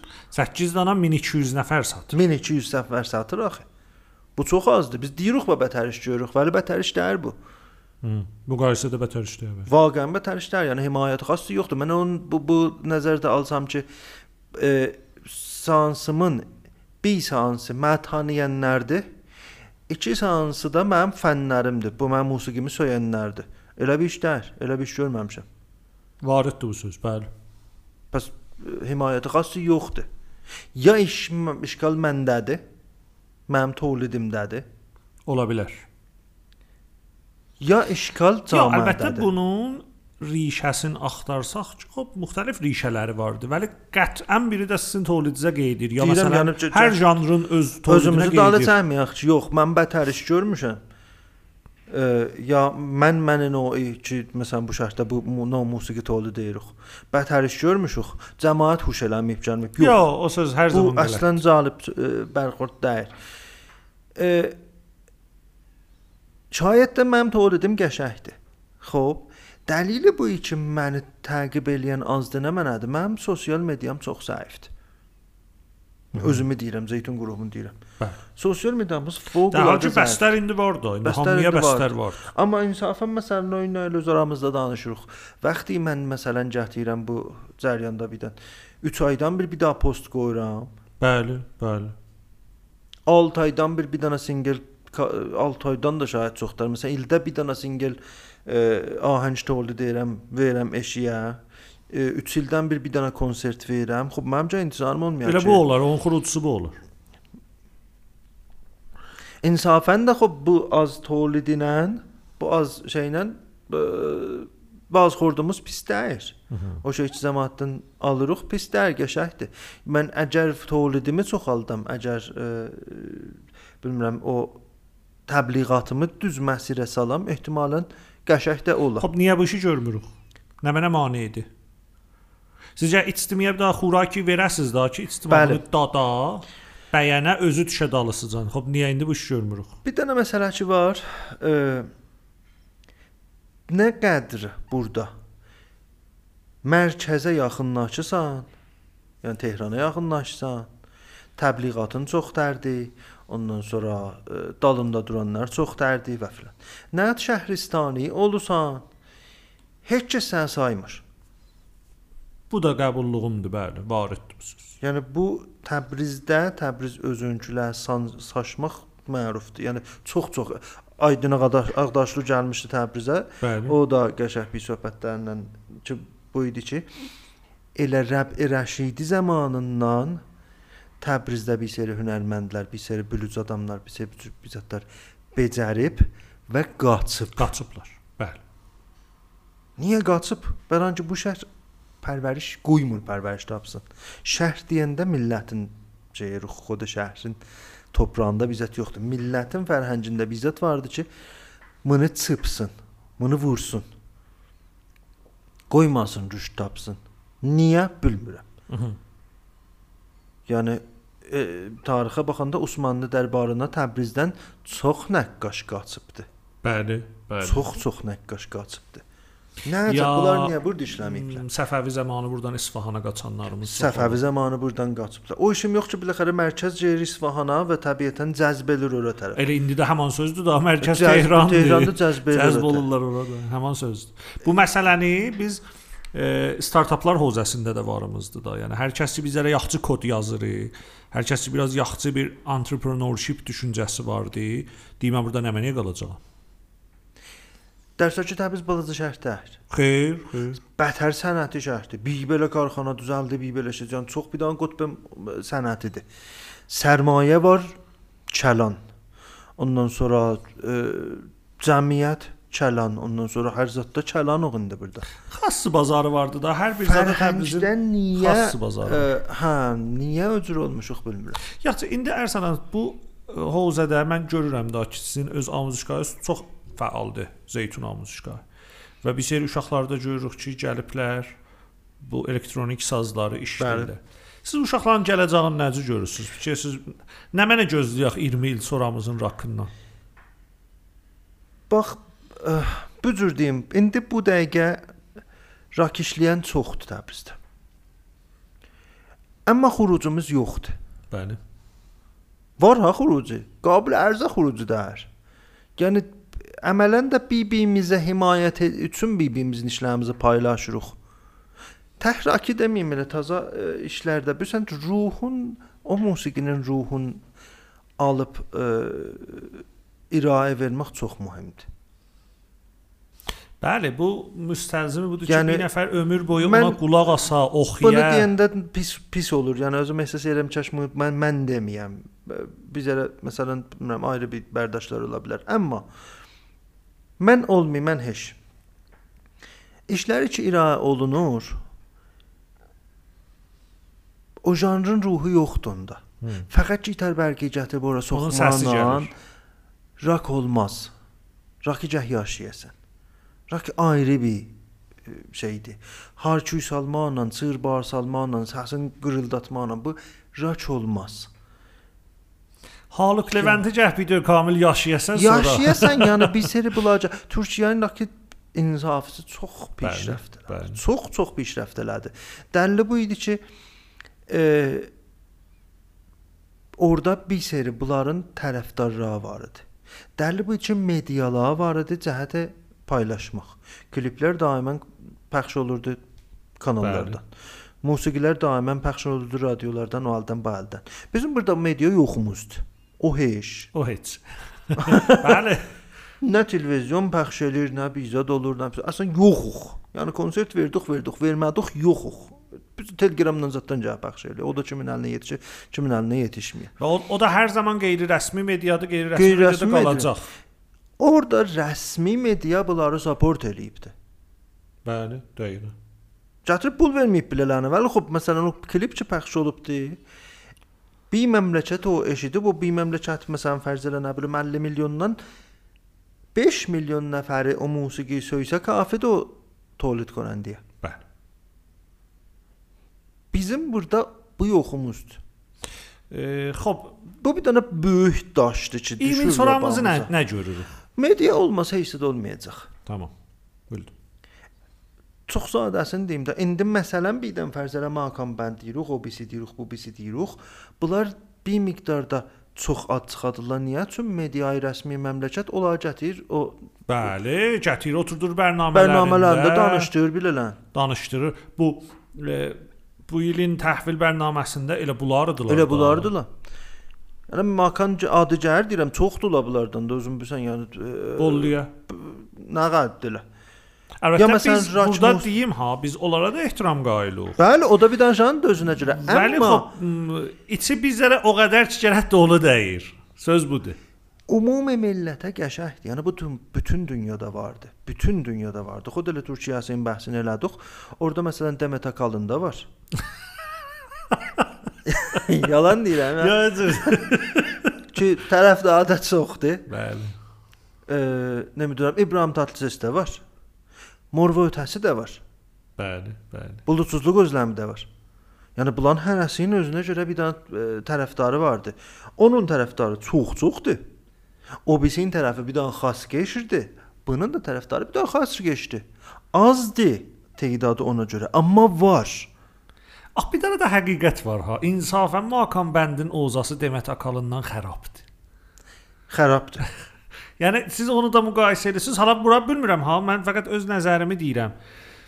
Şeirdə söz yox, bilmirəm. Musiqidə bir şey heç yoxdur. Yəni Bizlərə demək, fəqət o çalanların bizlərə o şəxsi gücləridir. Bax, işi çıxardır. B izafiyə o tüssüdən, işıqdan, bilmirəm, e, robot gətirirlər səhnəyə, qışqır bağır salırlar. Bunlardır da. Bu ki millətimizin zaiqəsi getdikcə xarablaşır və təqsir mediadır. Bəli. Bu 90% təqsir Mən e, mediadır. bilmirəm oxudun ya yox. Keçən həftə öz şəxsi peycimdə Instagramda bir dənə yaddaş yazmışdım Sasiman Kəmmaridində. Oxudum, oxudum çox və like də eləmişdim, çox da Və, və, gözəldir. və mötəqidəm ki, vaqəən bu bir tirdir ki, el məsələvarımızdır deyər ox yaydan çıxıbdı. Yox, İndi ox bu yaydan çıxıbdı da. İndi bunların hətta istəsələr də yığışdıra bilməzlər və qeytərə bilməzlər vəziyyət. Bir dənə məsələ ki vardı. Media ciddi surətdə bir dənə cəmiənin sa- ə, məsir vermağında çox mühümdür. Əsən risaləti odur. Risaləti budur. İndi sən bir dənə misal vururam. Hala ə, bəhs gəldi buraya. Yetişdi. Şayad bizlərdə bir rəbt ola söhbətlərimizə. Amma bir də bunu düşün ki, Acun Ilıcalının huzuru در mediayı Türkiyə Bəli. nə qədər təsir qoydu Türkiyənin zehniyyətində? Çox çox. Oranın O gələndən sonra Türkiyə uful elədi, düşdü. Bəli. Nabud oldu. Bəli, fərhəngini dəyişdi. Ondan qabaq yəni insafən bərnaməhay fərhəngi ki e, var idi. Çə musiqisi olsun, ayrı bizə olsun filan. Çox çox çox qəvi tərəz o zaman ki bu adam gəldi zuhur elədi. Bütün kopi bərnamələr, Kopi bərnamələr milləti çox dərgiri bir şey səthi məsail. Məsxərəvi izatdan məsələn bu ona yaman dedi, o buna nə, nə mənə dedi. Ey vay nə olacaq bu ona yaman deyib. O iki nəfər küçədə savaşıb bir-birini yaman dedi. Neyini yox. Həm də Yəni bu bu dəğdəğir cəmaətə. Cəmaət otur fikirləşir, senaryo Axı- axı yazır. Bizim cəmaətə də dəğdəğ eləyir. O, bizim yəni Təbrizlilərin də evinə gəlsən, görsən deyir ki, məsələn filan bərnamədə filanı filan Filan- belə deyir. filan kəsdən savaşdı. Xub bu bu, bu əvvələn göstərir ki, ya bizim bizim mediamız bir daha məncəsən başına daş düşsün. Vərşikəstədir də. Əsən hey yoxdur ki, sən e, təğziyə olsan o tərəfdən. Xoş. İşim yox ki, Acun bir dənə e, Bahuş adamdır özü. çox bahuş adamdır ki, eləyə bilib bu məsələyi yaratsın. Bəli. Yəni mediada bir dənə söz mətrəh edir, bir dənə xətt verir. Xoş. Və bu xətt در جهت افول بیداد جامعه در جهت ازمهلال بیداد جامعه Dəqiq. 2 camə. İki cama. Həm onlar, həm Qutayda biz bizimkilər ki bu də tərəfdən baxırlar. təğziyəmiz yoxdur, məcburuq onu tufalələyik. Dəqiqən e, bu cəryan var. Özümüz fikir edirik ki, bətər e, çox e, nə mənə deyirlər, ərзişi bərnamələr tövlid edirik. Bəli. در صورت ki baxanı yoxdur. Yəni şey yoxdur. E, Ər, e, ərziş verəni yoxdur onun. Bəli. O tərəfdən də 2-3 dənə məsələn bərnamə ki, istəyir bizlərə məsələn e, fəzası fərq eləsin o filan o behman. Onlarda da gətir yox makam bənd o nə bilirəm ona bənzər bir şeyləri veriq cəmaatın xordunaçı bulardı. Vuruşlar aparıq üstə adda deyilir filan or böyüyürlər dərbə. Bəli. bəli. Bu tərəfdən də tolid görəndəqanə əsasımız qalır kənarda. Humayun Şəcəryanı biz görmürük televizyonda. Öcürdür. E, yaxşı, indi nə etməliyik? Mən Bu da mühüm sualdır ha, yəni. Bilmirəm, yəni gözəl bir ayəndə görənmirəm bu musiqi e, məxsusən hala rock janrının ayəndəsinə. Bir dənə janrdır ki, zaten təxəssüsü janrdır. Zaten xass janrdır. Eee Mana tərəf gələnlər də xass adamlardılar. Yəni e, bir məsələlər var ki, gəliblər bu tərəfə. Amma adlı adam deyillər, Ola ami bilsin. adam deyillər. Bir e, məsələlər var ki, burdadılar. Ona xatir bu ki, bunlar bu özlərinin içindəki məsələlərlə, eşikdən varid olan məsələlərlə nə qədər eləyə bilərlər, məntiqi bunu qabağa aparalar, bunu bilmirəm. Özüm səy edirəm, oracan ki, eləyə bilirəm. O uşaqlarla ki, ətrafımda vardı. Bu xətti qəşəng xəttə salaq, düz xəttə salaq. Yəni düz xətt deyəndə heç kəs iddia eləyəməz ki, mən düzəm, o bislər qələtdir. Bəli, düz deyəndə qeytərəx salaq o məsirə ki, rak başlamışdı. Çox qəşəng. Caddə xaricə Əsil və getmir. xalis. Əsil Düz və xaric, yəni e, gitar bərgi götürüb Hayçu Salmanla qışqır bar Salmanla ondan sonra e, çətin sololar çalmanla filanla müsabiqəyə təbdil eləmanla bunlar hamısı Bəli, məsələdir bəli. bax. Yəni gör nə mənə çaldım. Axı gör nə mənə çaldım. Bax gör kodda düz deyə yox. Bir daha çətin məsələn çox səri bizə sürətli bizə çalır. Bu olurumla şey, e, ki mən bətər adamam. Bətər iş gördüm. Xoş. Sözün nə mənə idi demə, nə əcəb bu işi gördün. Akkorddan düzüdür, harmonin düzüdür, musiqi bir, bir, bir kəsrinə də bir bax gör nə nədir. Çün mən bunu çaldım, hamı gəh mən söyə. Niyə? Bəli. Bəli. Yəni o adam ki, başda sözü gətirirəm. Xahiş. işini düz görən adam, işini bətər görən adam cəmiyyətimizdə çoxdur. Elə hər işdə. Bəli. İşlərin tərtəmiz yerində bedunə irad şey görürlər. Amma dəli də hamı gəlib onlardan təşəkkür eləyir. İndi məsələn sən o solo bətər çaldın filan, gəl dəli də hamı gəlsən təşəkkür eləyir. İşini düz görmüsən, özünü özünün işini düz, düz görmüsən. Tolidün nə mənadır? Xuruci. Xurucin nə mənadır? İndi toliddə ərzəşi ki vardı, ə, nə həddədir? Düz. Qərar dərs olub səfeh çalasan. Bu düz gəl qəşəng çalaydın. O qəşəng çaldın, heç. arma. O heç. İndi o mətai ki ira elədin bazara Onda nə mənə ira eləmisən, nə mənə demisən, nə cür demisən ki, intizarın da var ki, məni bətər halva halva ilə apararlar göyə ki, mən məsələn burada bətər ə, bir iş görmüşəm. Bu bizə bi- bizdən naqisdir bu qismət. Mütəvəccüh. O da mənim nəzərimə ə, amuzəş və media. Bu iki dənə qəziyə bəsyar bəsyar mühümdürlər.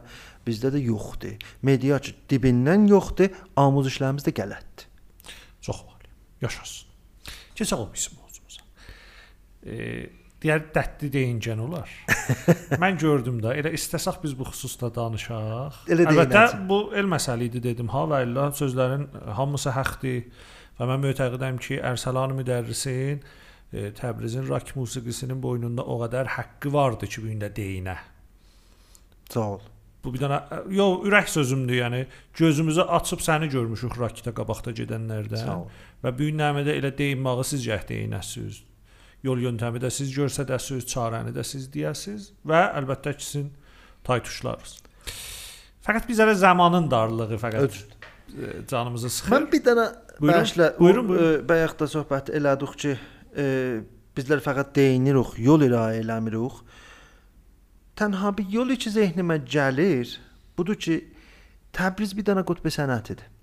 Burada çox sərmayə var. Bir dənə də miyanı kələm o bazar bərnaməsindəki çox elə sən özün dolar dandın ki, dedin niyə bazara ürək yanan çox olmadı. Hə yadımdadır. Sonra sən də bir də ayrı bir Bir dənə ayrı bir post qoymuş. Bir də ayrı bir postda Mən gördüm. ürək yanan demədim ha. Mən əsən ürək yanan demədim.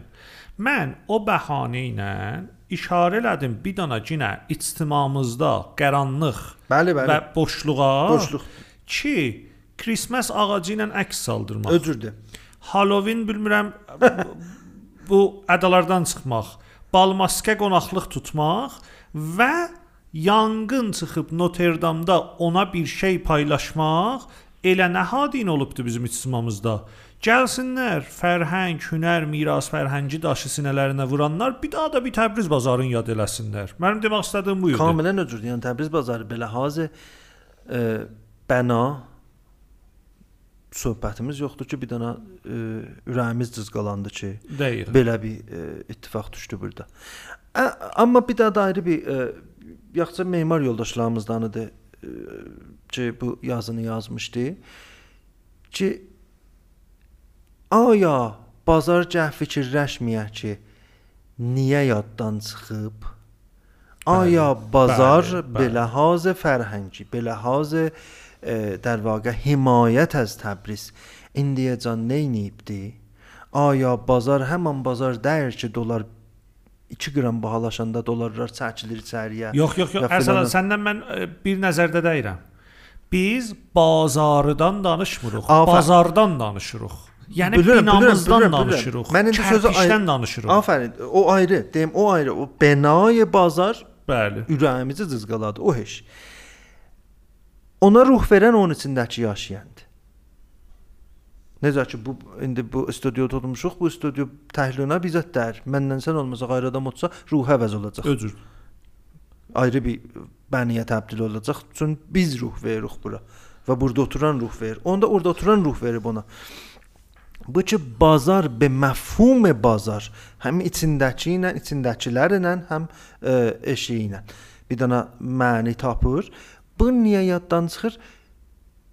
Bir şey bu cür məsail də var. Bunları da görək. Demirəm bu düzdür. Yəni Mütəvəccüh. bu, bu bu mənzərdən də baxaq bu qəziyyəyə ki, e, bir dənə indi məsələn misal deyirəm konsert olur Təbrizdə. Bazarlarımızın biri gəlib sponsor olsun. Sahibanə sərmayəmizin biri gəlib sponsor olsun. Əslən sahibani sərmayə Təbriz biri axtarıbdı ki, a bu şəhərdə bir dənə teatr icra olur. Bir dənə film çəkirlər. Təbrizdən də filmi Bolənd işləyiblər, 2 dənə. Bəli. Çox mühümdür. Filmsazlarımız da yaxşı yerlərə yetişdilər. Qəşəng qardaşlar Yəni o, o e, məsələn çox haracan getdilər. İşim yox bu. Bir, e, bir tolidat musiqiyi olur və və və və.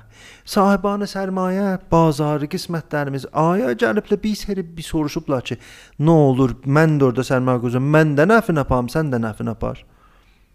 Bir dənə bu ittifaq düşməyib bu şəhərdə. Bir Özür. mən bir dəfə gör, mən bir nəfər görməmişəm. Ki məsələn gətirə deyək ki, mən himayət edirəm bu işdən, e, mən bu işin dalısını deyəm, cəmi tolid elə. Əlbəttə ona mənim sözüm var ha, yəni ona da Misal deyirəm, sola. e, mən nöy əgər bir belə əldə eləyənməmişəm e, albomumu tolid eləyəm, bərəncə mən himayəti malım yoxdur. Özümcə işim ötürü idim, gedim oturub Tehran. bu söz var. Bir nəfər gətirəydi e, himayəti mali eləcək, sən albomumu tolid elə. Qutulandan sonra şey- sudun da yarısı sən mənimki. Hətta sudun hamısı Hamısı mənimki. mənimki. Hər Bəli. nə mənə. Yəni mən himayət edirəm. Bu, bu yoxdur burada. Qəbul Tehranda varımızdır. O babətdən mənzurum ə, bir dənə ə, rah həlli ki, iraə oluna bilər. Rah həll hala nədə ə, icra ola bilər. Budur ki, sahibane sərmayəmiz bazar qismi o yer ki, sərmayə orada yatıbdı. Hı -hı. Himayət eləsin ə, şeydən, Hünərdən. Hünərdən. Sən bax ə, Türkiyə niyə qabağa gedir? Türkiyənin caz festivalını kim bərgüzar edir? Akbank bərgüzar edir. Bir də Bah bərgüzar edir. Bəli. Festival Caz İstanbulun sponsoru rəsmisi odur.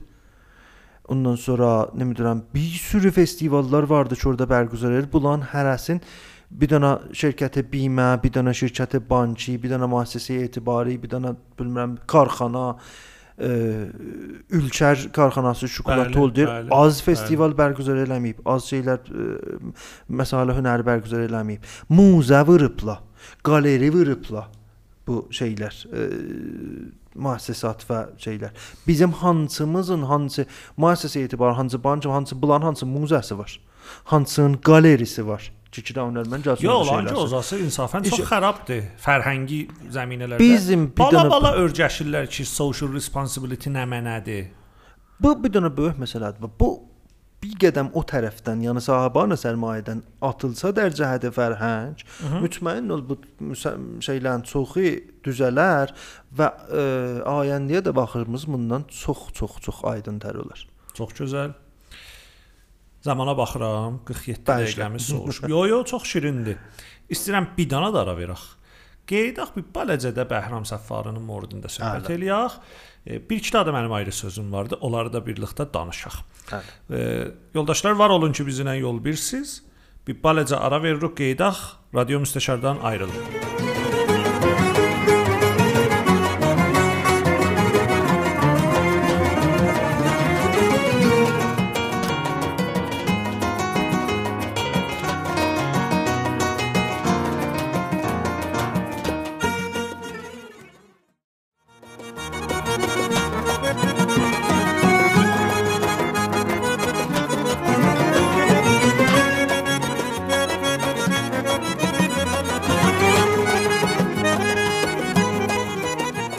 Gözəl yoldaşlar, 3-cü bölümə xoş gəlmisiniz. Bura Radio Müstəşar 5-ci bölüm Ərsalan müdərris cənabları ilə Təbrizimizin və Azərbaycanın rock musiqisindən söhbət edirik. Mən özüm başlayanda heç fikirləməzdim gələk 3-cü bölümə yetişək. İndi ki burada fayllar gözümün qabağındadır. 40 dəqiqədən aşıbdı hər ikisi də 45 dəqiqədən. Vəli söhbət şirin gəldi. Yaşa Ərsalan. Çox gözəl söhbət. Var ol, sağ ol sən də. Çox sağ ol. Amma danışırıq bir dənə çox dəyərli insandan ki, çox tez dünyasını dəyişdi. Və əgər bu günlərimə həyatda olsaydı, daha gözəl işlər görərdi, daha yaxşı şahidlər becərdərdi və heavy oldu. Sən bu adamla uzun dostluq sürmüsən Elədir. və birlikdə gözəl işlər də görmüsüz. Heavy də adı gəlməyəydi. Danışırıq rəhmətlik Bəhram Səffarıdan və əlbəttə yeri gəlmişkən ad aparaq Bəhramın İd oğlundan e, Səhəndidən ki, o da çox gözəl dram nəvazəndəsidir. Əziz dostumuzdur. Vəli xop Səhənd özü də bu proqramını eşidəcəkdi. e, heç mən də çəkinmirəm bu sözü deməkdən. Səhnə çox yaxşı nəvazəndədir, çox düzgün adamdır. Amma Bəhram bir ayrı sözdür. Həmişə o qabaqda gedənlər çox fərq edirlər. Bəli. Eşidək Bəhramın haqqında hər nə mənə söysən, tarixə yazılsın, danış. E, özüm o yerdə görmürəm ki, Bəhramın mövzusunda danışam. Amma bəlkə bir üç dənə xatirə, bəlkə o şeylər ki, baham yaşamışıq, Bəhramı yaşada. Mhm. Ee, o illər yadıma gəlir ki, əvvələn saz yox idi, olanda da çox az idi. Məhdud sazlar var idi. Ee, bir sürü sazlar çalan yox idi. Sən o sazın özü yox idi ki, çalanda olsun. Dram da o sazlardan idi. Ee, mən yadıma gələn tarixlərdə Təbrizdə 2 nəfər dram çalan tanıyardım. Biri e, adını deyəcəm, sicilisini bilmirəm. Ağavəli adında bir Aha, mən Ağa idi. mən də adlarını eşitməmişəm. ad e, özün görmüşdüm, fəqət üçün o adından tanırdım. Mən e, sicilisini bilmirəm ki, indi də burada deyəm. Bir də Bəhram idi. Bəli. Mən Bəhram çox sabiqəli. çox sabiqəli idi. E, yəni inqilabdan qabaq da çox e, yerlərdə çalmışdı, çox e, böyük artistlərlə işləmişdi, böyük qruplarla işləmişdi. E, və qəşəng bir deydi ki, Bəhram da o xodsaxta adamlardan idi. Bəli. Özü sənətini düzəltmişdi, özü sənətində peşrəft eləmişdi və gözəli də burada idi ki, zehni də bağlı dəyirdi. Mhm. daimən açıqdı tazalıqlara öz sənətində. Filan texnik gəldi, filan kəs filan cür çaldı. Bir dana e, Saza bir şey izafələşdi. Aha, sazın burasını bu cür elədilər, bu səs aldılar. Burasından bu cür elədilər. Bu. Yəni daimən bunlarla dərgir idi. İndi video nəvarlarından, bilmirəm. Bir dana bir e, e, kaset tapmaqdan, filan tapmaqdan bir daha bizə tapardıq və mə oturardıq, danışardıq, danışardıq, danışardıq. Pəs beyliyək bu cür olsun. Sazın burasını açıq qoyaq, burasını bağlı qoyaq, mikrofonu burdan qoyaq, səncə aşağı gətirim, səncə aparım üstə. Yəni min cürə bu adam bu sazla oyun oynardı ki, o sazdan standart bir səs alsın, qəşəng bir işlər, tazalıqlar yaratsın. Elə e, o 3-4 dənə texniki ki, örgəşir qalmasın orada bizim çoxlarımız, yəni cəmiyyətdə mübtəla oluruq buna ki, 3 dənə bizət örgəşirik, qalırıq orada qutluq çeyirik. dəqiq, dəqiq. Bəhramın o qədər e, zehni açıq idi ki, axır ləhzəyəcən mən yadıma gəlir ki, e, dayanmadı. Yəni banki biləxərə sinnidən də bizdən bir miqdar böyük idi. Daimən taza bir zətdanla dərgir idi. Da, taza pedal alsın, taza Bəli, e, bəli. pustlar, dərilər çək e, tolidə olan bunun səsi bu cürdür, bunu taxım, onun səsi bu cürdür, bunu taxım. Çox e, zehni açıq bir adam idi. E, fövqəladə üzücülər, Bəli. Allah rəhmət eləsin. Allah rəhmət eləsin. Və xanavadəsini sevən bir adam idi. Yəni dünyası xanavadəsi idi. Heç zad olanla dəyişməzdi. Hər şey bir tərəfə xanavadəsi, bir tərəf. Bunu gözümlə şahidəm. E, Ki nə qədər can atardı ki, e, xanavadəsi ilə olsun. Əcib bir bağlantısı vardı xanavadəsinə. E, bir də bətər siqar çəkərdi. e, İndi demədə xoş olmur amma qəbir daşını qoyanda xanımısı ilə 2 dənə siqar qoyduq qəbir daşının altına. Hı. Çün hey dedi, tərk edəcəm, tərk etmədi. Dedi, tərk edəcəm, tərk etmədi. Bətər siqar çəkərdi. Və və öz işinin doğudan öndə gedənlərindən idi. Yəni çox qabaqda gedəndi, çox zehni açıqdı. Burada bu ə, coğrafiyada mən tanımırdım bu cür dram çalan.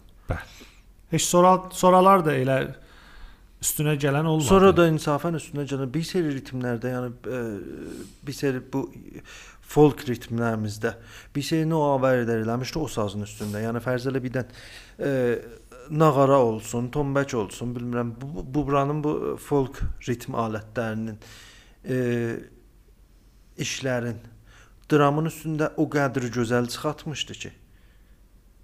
Yəni Bəli. Mən qulaq asanda gördüm ki, məsələn, birdən fərzələ nağar eşidirəm, amma ayrı bir səsinə. Hmm. Tombək eşidirəm ayrı bir səsinə. Çox ə, əcib ə, noavərlər vardı ki, ey kaş ola səbt eləyəydi, ey kaş onları yazaydı. Bir kasetdən, filmidən bizatlar varızdı da. Vardı, vardı, bəli. O zamanın filmlərdi, o zamanın Bəli. kasetlərdi. Elə bir keyfiyyətli bizat hər ki adam onlardan bizat çıxarsın. Eee amma bir də məsələn biz konsertdə hər konsertimizdə bir dənə solo dramımız olardı. Bəli. Yadıma gəlir fikrim Bəli, o zaman. bəli, bəli. Ki məsələn birdən 10 Və əsən dəqiqə salonu da so- dəbərdərdi. Salonu da bərdərdi. 10 dəqiqə solo gedərdi. Ritmlə gəzərdi. 2-4-dən gəldi, oldu 8-dən çıxardı bilməm.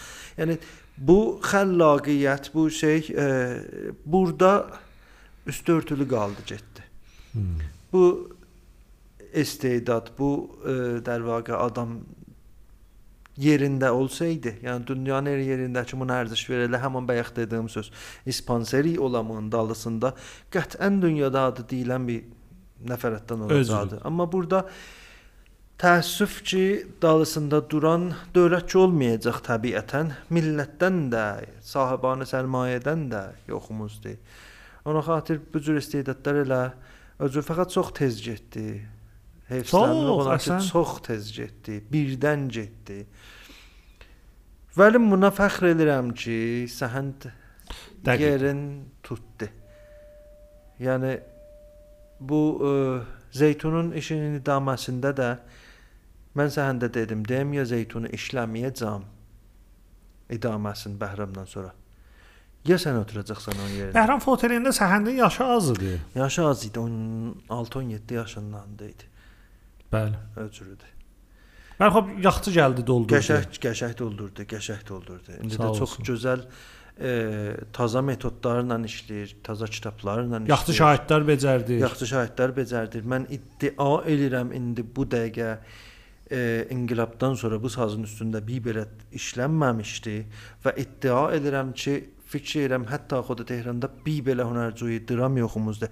İndi sənin təqribən 30-u aşıb Maş. hünərcüyü dramı var. Çox güzel. Yəni elə bir sazdır ki, aydın can yadıma gəlir, əsən bu sazın dövrəsində dolanan olmazdı. Hə baba, evlərdə çalmaq Evdə olmazdı. çalmaq olmazdı. Səsin zəbt eləmək olmazdı. O da özü bir məqulədir, Məqulədir. dramdan səs götürmək. E, şükürlər olsun. İndi biz o mövqeyiyyəti yarada bildik ki, bu saz bir daha elə bir mühitdə qərar tapsın ki, müşkül iqaba gəlməsin və işlənilsin və uşaqlar da vaqəən gəlirlər. Deyirəm e, yuxarı e, tədadda hünərci var. E, notla işlənilir. Elə biz daha çıxıb qədim Bəli, usulda bəli, yox bəli. idi. E, taza metodlarla işlər, dünya metodları ilə ya download edir, gedir, işlər filan. Bəs işim yox. Və hər hal o Bəhramın yerin çalışır ki, doldura. Bu kamilən ehsas olur. Çalışır ki, doldura. İnşallah sənin də canı sağ olsun. Zehni duru olsun həmişə və bu yolu davam versin. E, məndə bir həsrət var. Ərsalan, o da budur ki, niyə bu işi tez başlama? Əlbəttə çox bəhramlara mən məsələn yaşım qəd verməzdi. Bəli vardılar bir şey adamlar ki, mən əgər bu işi tez başlasaydım radio müstəşarı, onların da səsi zəbt olardı.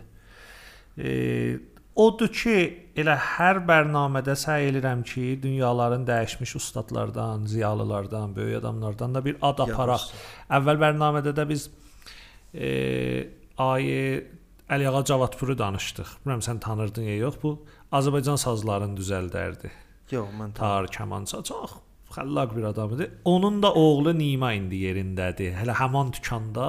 Nə gözəl, nə iş apar. gözəl, nə O da çox tez getdi. Nima da kiçik yaşdan gəldi, dükanı açdı. Demək istədiyim budur ki, bir zat radio müstəşarda mənim bətər canıma yatır, ürəyimə siniri. O da budur ki, qalırlar. Bu səslər qalacaqlar. İndi Ərsəlanın səsi qalacaqdı. Və bu gözəldir və həvislənirəm ki, niyə bu iş qəblən olmayıbdı? Ki, biz bu Bəhramın da o idi. Dəqiqən Yəni, Bəhramın Yamanın söz da ol səsi idi, səs ol idi. Çox adamlar vardı. Hələ musiqi dünyamızdan Bəli. köçüb gedənlər çoxdular və bizim də fərhəngimiz fəqət musiqiyə ə, məhdud deyil ki, teatrımızdan da köçüb gedənlər var, xoşnevisimizdən də köçüb gedənlər var. Kaş bunların arşivi radio müstəşardan qabaqda olaydı və ümidim də bunadır ki, sizin kimi dostların köməkliyi ilə müstəşar eləyə bilsin ki, öz rolun oynasın, düz oynasın bu macərada. Çox sağ olun ki, Bəhram Səffardan danışdınız. Bir dənə də bir ayrı mövzu istəyirəm açam. Mən o zaman iki Təbriz Filarmonikdə saz çalardım. E, siz bizim 3-4 dənə icramıza gəldiniz. Və gözəl də nəqdlər yazdınız. Sonra niyə yazmadınız? Söyməsən cavab vermə ha. Bu bir zaddır ki, yəni zehnimdə idi soruşum bilənlə. Elə öz dostluq e, irtibatımızda istirdim soruşam. İndi bir an zehnimə gəldi burada soruşam və səbt eləyək. E, Acəm bilirsən ki, mənim xop rüşdi təhsilim də nəqd hünərə Həndə elə sən gəl yazasan. Mürtəbitdir. Amma e, bütün o nəqdləri yazandan sonra bir nəfər dostlardan ki, adını aparmıram ama qəşəng falçısalar. qəşəng Aa. falçısalar. Gəldi mənə deyir ki, nəcəb sən nəqd yazsan. Mhm. Ha, yəni sən o cayqata görmürdü. Bir dənə bir belə bir sual elə ki, nəcəb. Mən bir sözümdən soruşdum ki, düzdür da, nəcəb. Mənə nə? Aman aman. Evi. A, o nəqdlər, o nəqdlər mənim özümün çox dərdimə dəymişdi. Qoydum kənara da yazmadım. Evi eləmisən. Əlbəttə da deyim ha, qurğun uşaqlarından dəyirdi. Mütəvəccəm. Qurğun uşaqlarından dəyirdi, eşikdən idi. Gəldi belə bir söz mənə dedi. Mənə həm dəydi, həm də vaqəən şey oldum ki, Ayətdi biləvi. hə, düzdür da, mənə nə, həm bir daha söz yazırıq, həm də sonradan nağdda qaldırıq. Ötür. Mən Axı, də. O 2 paraqraf, 3 paraqraf sözü yazmağa da sən kulli fikr eləsən, zəhmət çəksən, yazırsan, dönürsən, bir də oxusan, bütün Nə cənbələri nəzərdə alırsan və nəhayətdə də bu əcər nəticə verməyəcək heç zətdə. Vəli deyim ha, e, Allah rızası özü burada deyir, Allah burdadır. Yaşar da o nəqdlərlə e, yaxçı yanaşırdı o nəqdlərə, yəni Öcürdür Yaşarla çox analiz elirdi, bizlərlə danışırdı idi. o mövzuda. Qurğun içində də uşaqlar o nəqdləri paylaşırdılar və çalışırdılar ki, islah eləsinlər. Demək istədiyim bu ki, elə o nəqd vaqiən nəqd nəticəsi verirdi. Aynen bir dənə bir bəşlə sözün Buyurun, arasında buyurun, mən istəyirəm şey eləyəm. Nəqd deyəndə iki cür nəqdimiz var. Bir ona mənə də eləyirsən. Yaxşı, bir bıldləhni var. Bir də bu ki, yaxşı, bu işi gördük. Buralar qəşəngdir. Burasında da elə bir iradımız var. Bəli. Bunu da düzəldə Bəli budur. bilirik. Bu iki dənə ləhn bir-birindən mütəfavitdir. İndi bir seri nəqdlər olur. Elə hamıdan işim yox. Yəni bir, bir də adam oturubdu, fəqət daş atır, yəni iş yoxdur. Bəli. Hər bəli. kəs istəyir dəbəşsin bir dənə daş atır. Bunun adı nəqddir, bunun adı düşmənlikdir. Mən Dəqiqən. istəyirəm burada hər zat məsələn şey. Sən əvvələn nə əcəb özünü dər e, İctima və görürsən. munzi ictima görürsən, müslih və munzi hünər görürsən. E, Cinə ad aparmıram. Yəni bu məsələ bir miqdar şeydir üçün e, ad aparanda təbəatı çox olur. Mən hövsələdən düşmüşəm, qocalmışam, hövsələdən düşmüşəm onlarla dərcir olmaq. yəni əvvələn tərəf özünü dər məqam əvvələn nəzəri şəxsi bəsiyar bəsiyar mühümdür. Ki mənim nəzər nəzər şəxsidən keçdik. Bəli, bu bu icranın burası vaqəən pis səs veribdi. Bəli. Filan qismətdə müşkülümüz var. Behman qismətdə müşkülümüz var və və və və. Bunları bu cür e, oturub danışmaq müncərb şey ola bilər. Amma o acəf bizim bir dənə böyük müşkülümüz var cəmiyyət və onu amacla danışırıq cərəyanda. E, Bu nəhəngin idaməsində təzə epizodda bu söhbətlər olacaq təbii. Ki biz niyə qabağa getmirik? Bəli ki, roşan fikrimiz zəifdir. Öcürdür. Ziyalılarımız Roşan- bizlərə indi Roşan yaxşı yəni yəni e, dər vaqe e, türküdə adı pisdir. E, Adın qoyaq müntəqid. o birisi ləfzin burada deməyək. Heç şeirdə demək olmaz onu.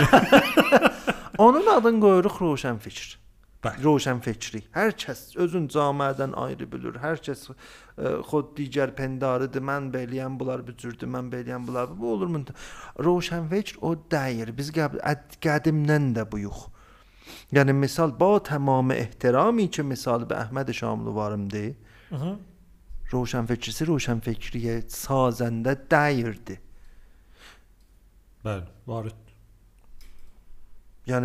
varid. Yəni fəqət kubidən camiə, kubidən ancaq ki həst eləyənməz zamanı apara qaba.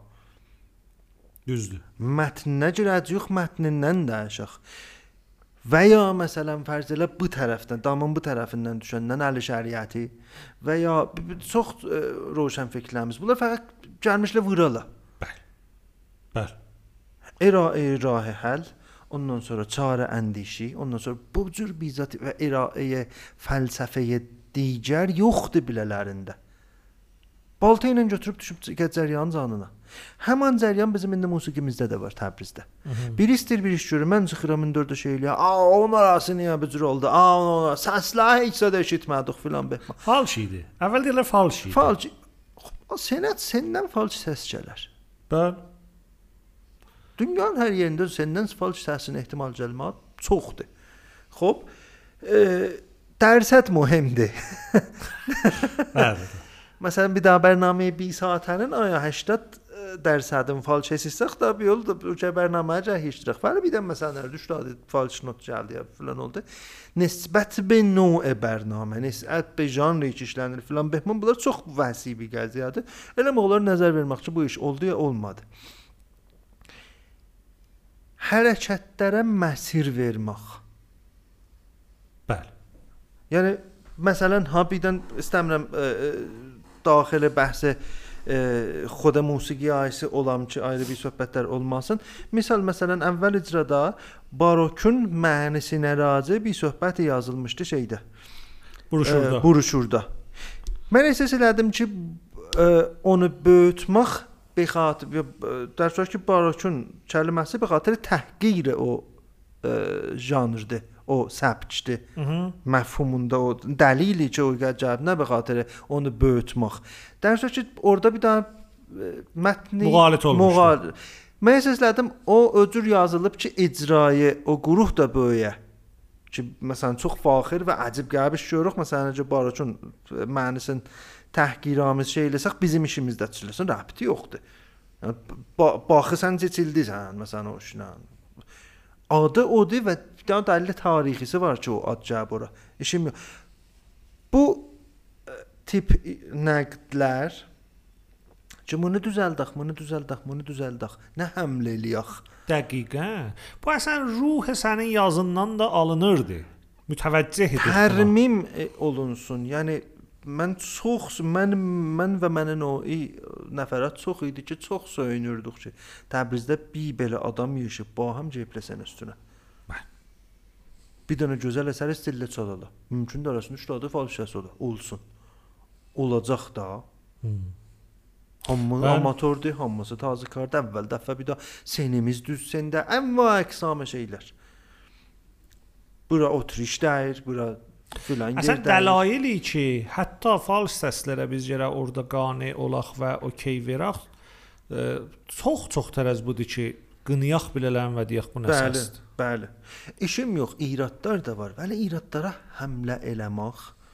Yəni həmlə eləməklə intiqad eləməyin çox fərqi var. Bəli. Çox sağ olun ki, o intiqadları da o zaman elirdiniz və mənim nəzərimə, yəni mm, Təht Filarmonik Təbriz deyir ha, hər bir məcmuəyə ki, sənin sözün müntəqidanə sözün onları pişrəft verə bilər. Mənim nəzərimə sən ginəgah yazasan Ərsəlan, bu mənim öz nəzərimdir ha. Deyirəm elə şey oldu. Yəni rəyimi vurdular. Yox da bəlkə bəlkə biz bir gün qeytərdik də o rəyi. Sən sən də dalı çəkilsən və sənət dostlarımız da dalı çəkilsə, kim gərək bu işi görə? İndi sözü gətirəcəm radio nəhəngə. E, o hozədə səndən amac gözəl işlər görürsüz. Yaxşı. Siz əgər müstəşarı nəqd eləməyəsiz və kim eləyə? Ya mən əgər sizə nəzərimi müntəqil eləməyəm, kim gərək bu rüşd fəqət bu cür hasil olar. Ki əgər siz bunu məndən əsirgəsəz, mən deyəcəm bətər iş görürəm də. A gör nə düz deyirəm qabaş. Bir nəfər də demir, bu ayağını bura qoyma, bura qoy. Model etmək fərqi yaraydın. Həm də o İndi mən birdən durub burada məsələn desəm ki, bu nə vəziyyətdir məsələn sən bu radionda, xop. Əvvələn mənim qabamda qard tutasan. Bəli. Günah ancaq nə oldu hələ məsələn mən məsələn nəzər istəmişdim. Amma bayaq sən dedin ki, min ki məsələn bizə dedin niyə ə, e, buna məsələn nəzm vermisiniz o epizoddan çıxmana filan behma. Bir də intiqadə dostanə fikir ki, mənə də fikir saldı düzdür. Əgər biz bu işi görsək, qəziyə qəşəngləşər. Bəli. Rivala gedə. Biz bir daha məsələ bu vardı. Söhbətdir.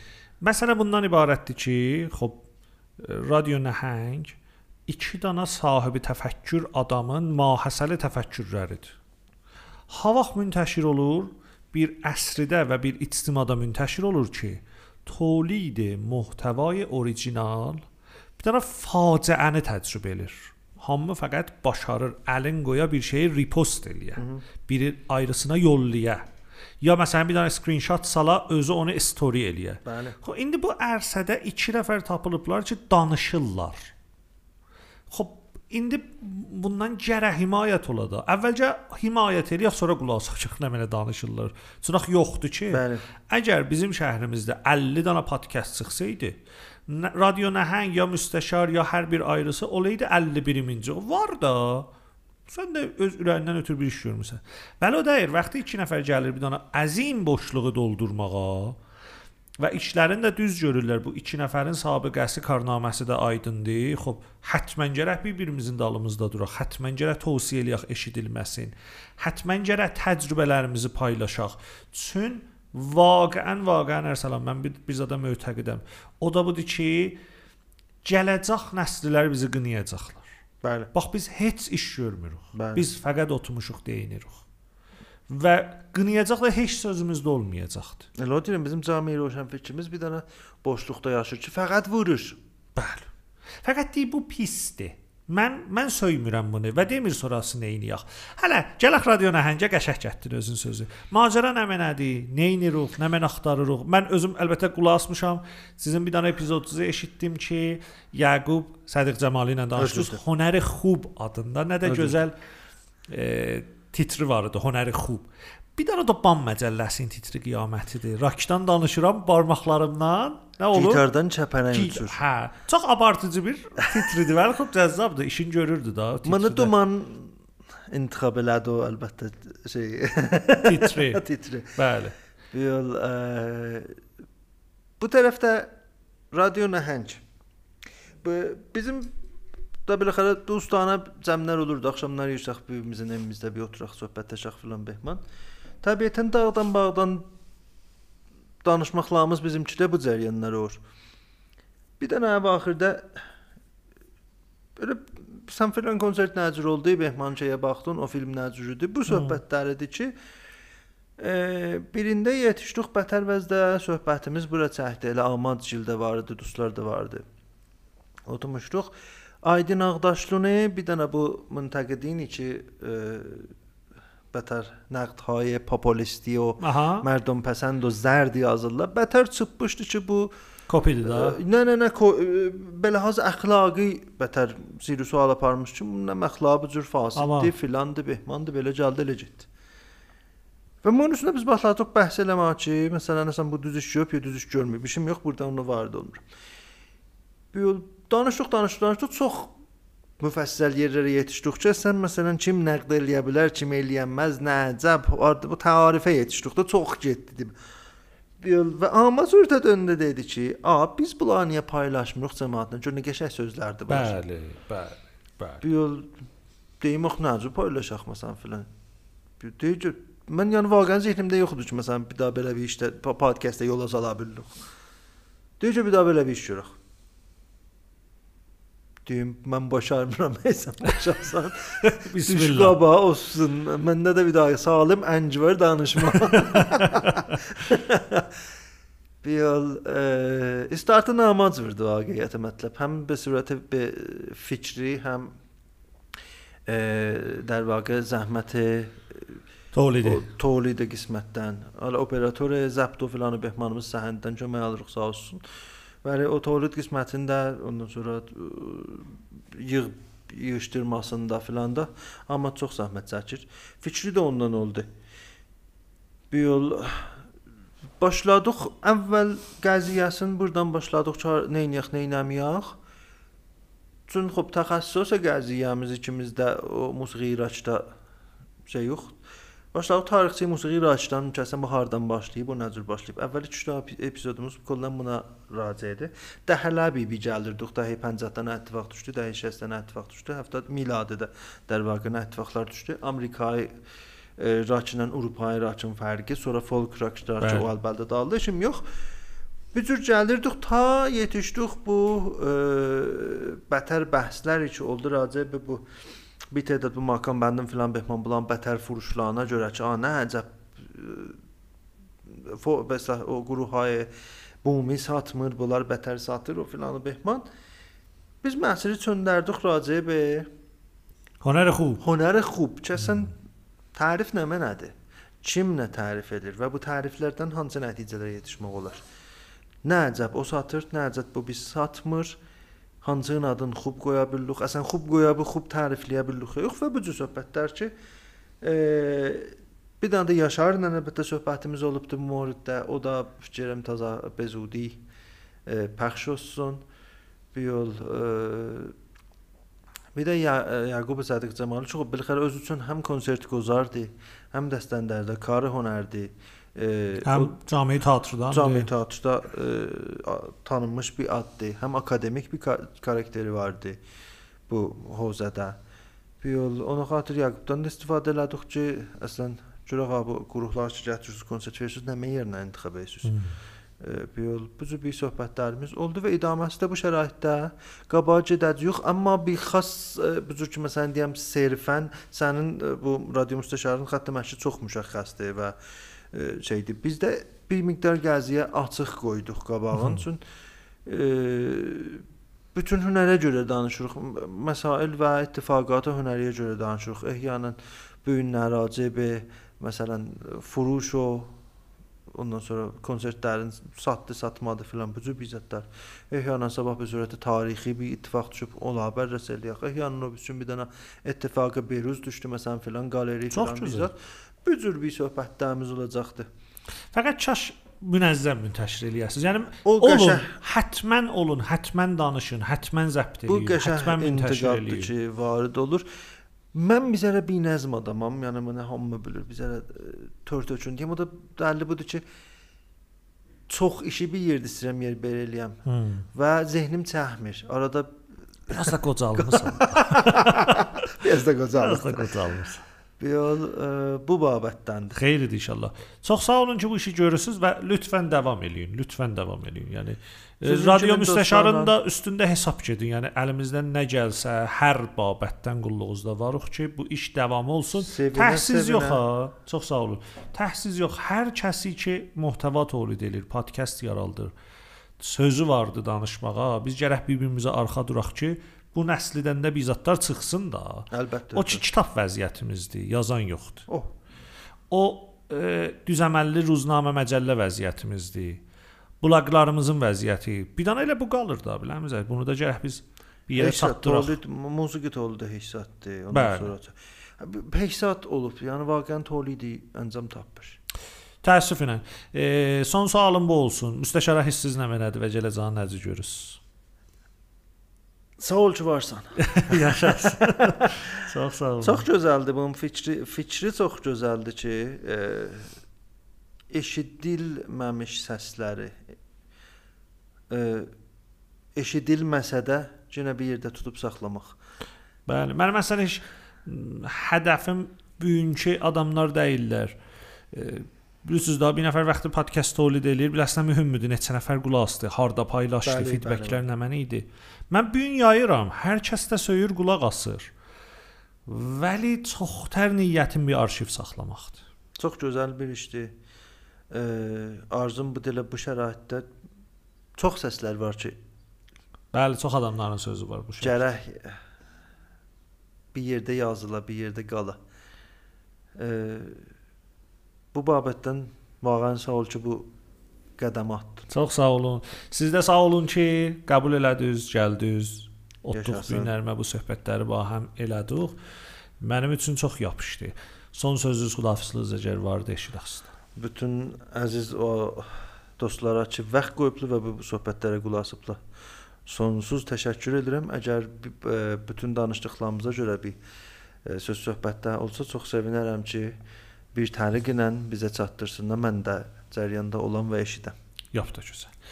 Yenə də təşəkkür edirəm bura gəlməyinizdən Yaşasın. Ərsalan. Hörmətli radio müstəşar yoldaşları, 5-ci epizodun sonuna çatdıq. Mən Aydın Namdar, bura radio müstəşar söhbətlərimi eşitdiniz. Ərsalan müdərris cənabları ilə Təbriz Xurdadın biri 1398-ci il. Müstəşardan ayrılmayın, bu yolu birlikdə gedək və yaxşı yerlərə yetirək. Hər nə cürdəki səlah görürsüz, paylaşın ki, bu sözlərin eşidəni çoxalsın. Gələn görüşlərə can hamımızı Allaha tapşırıram. Xuda hafiz.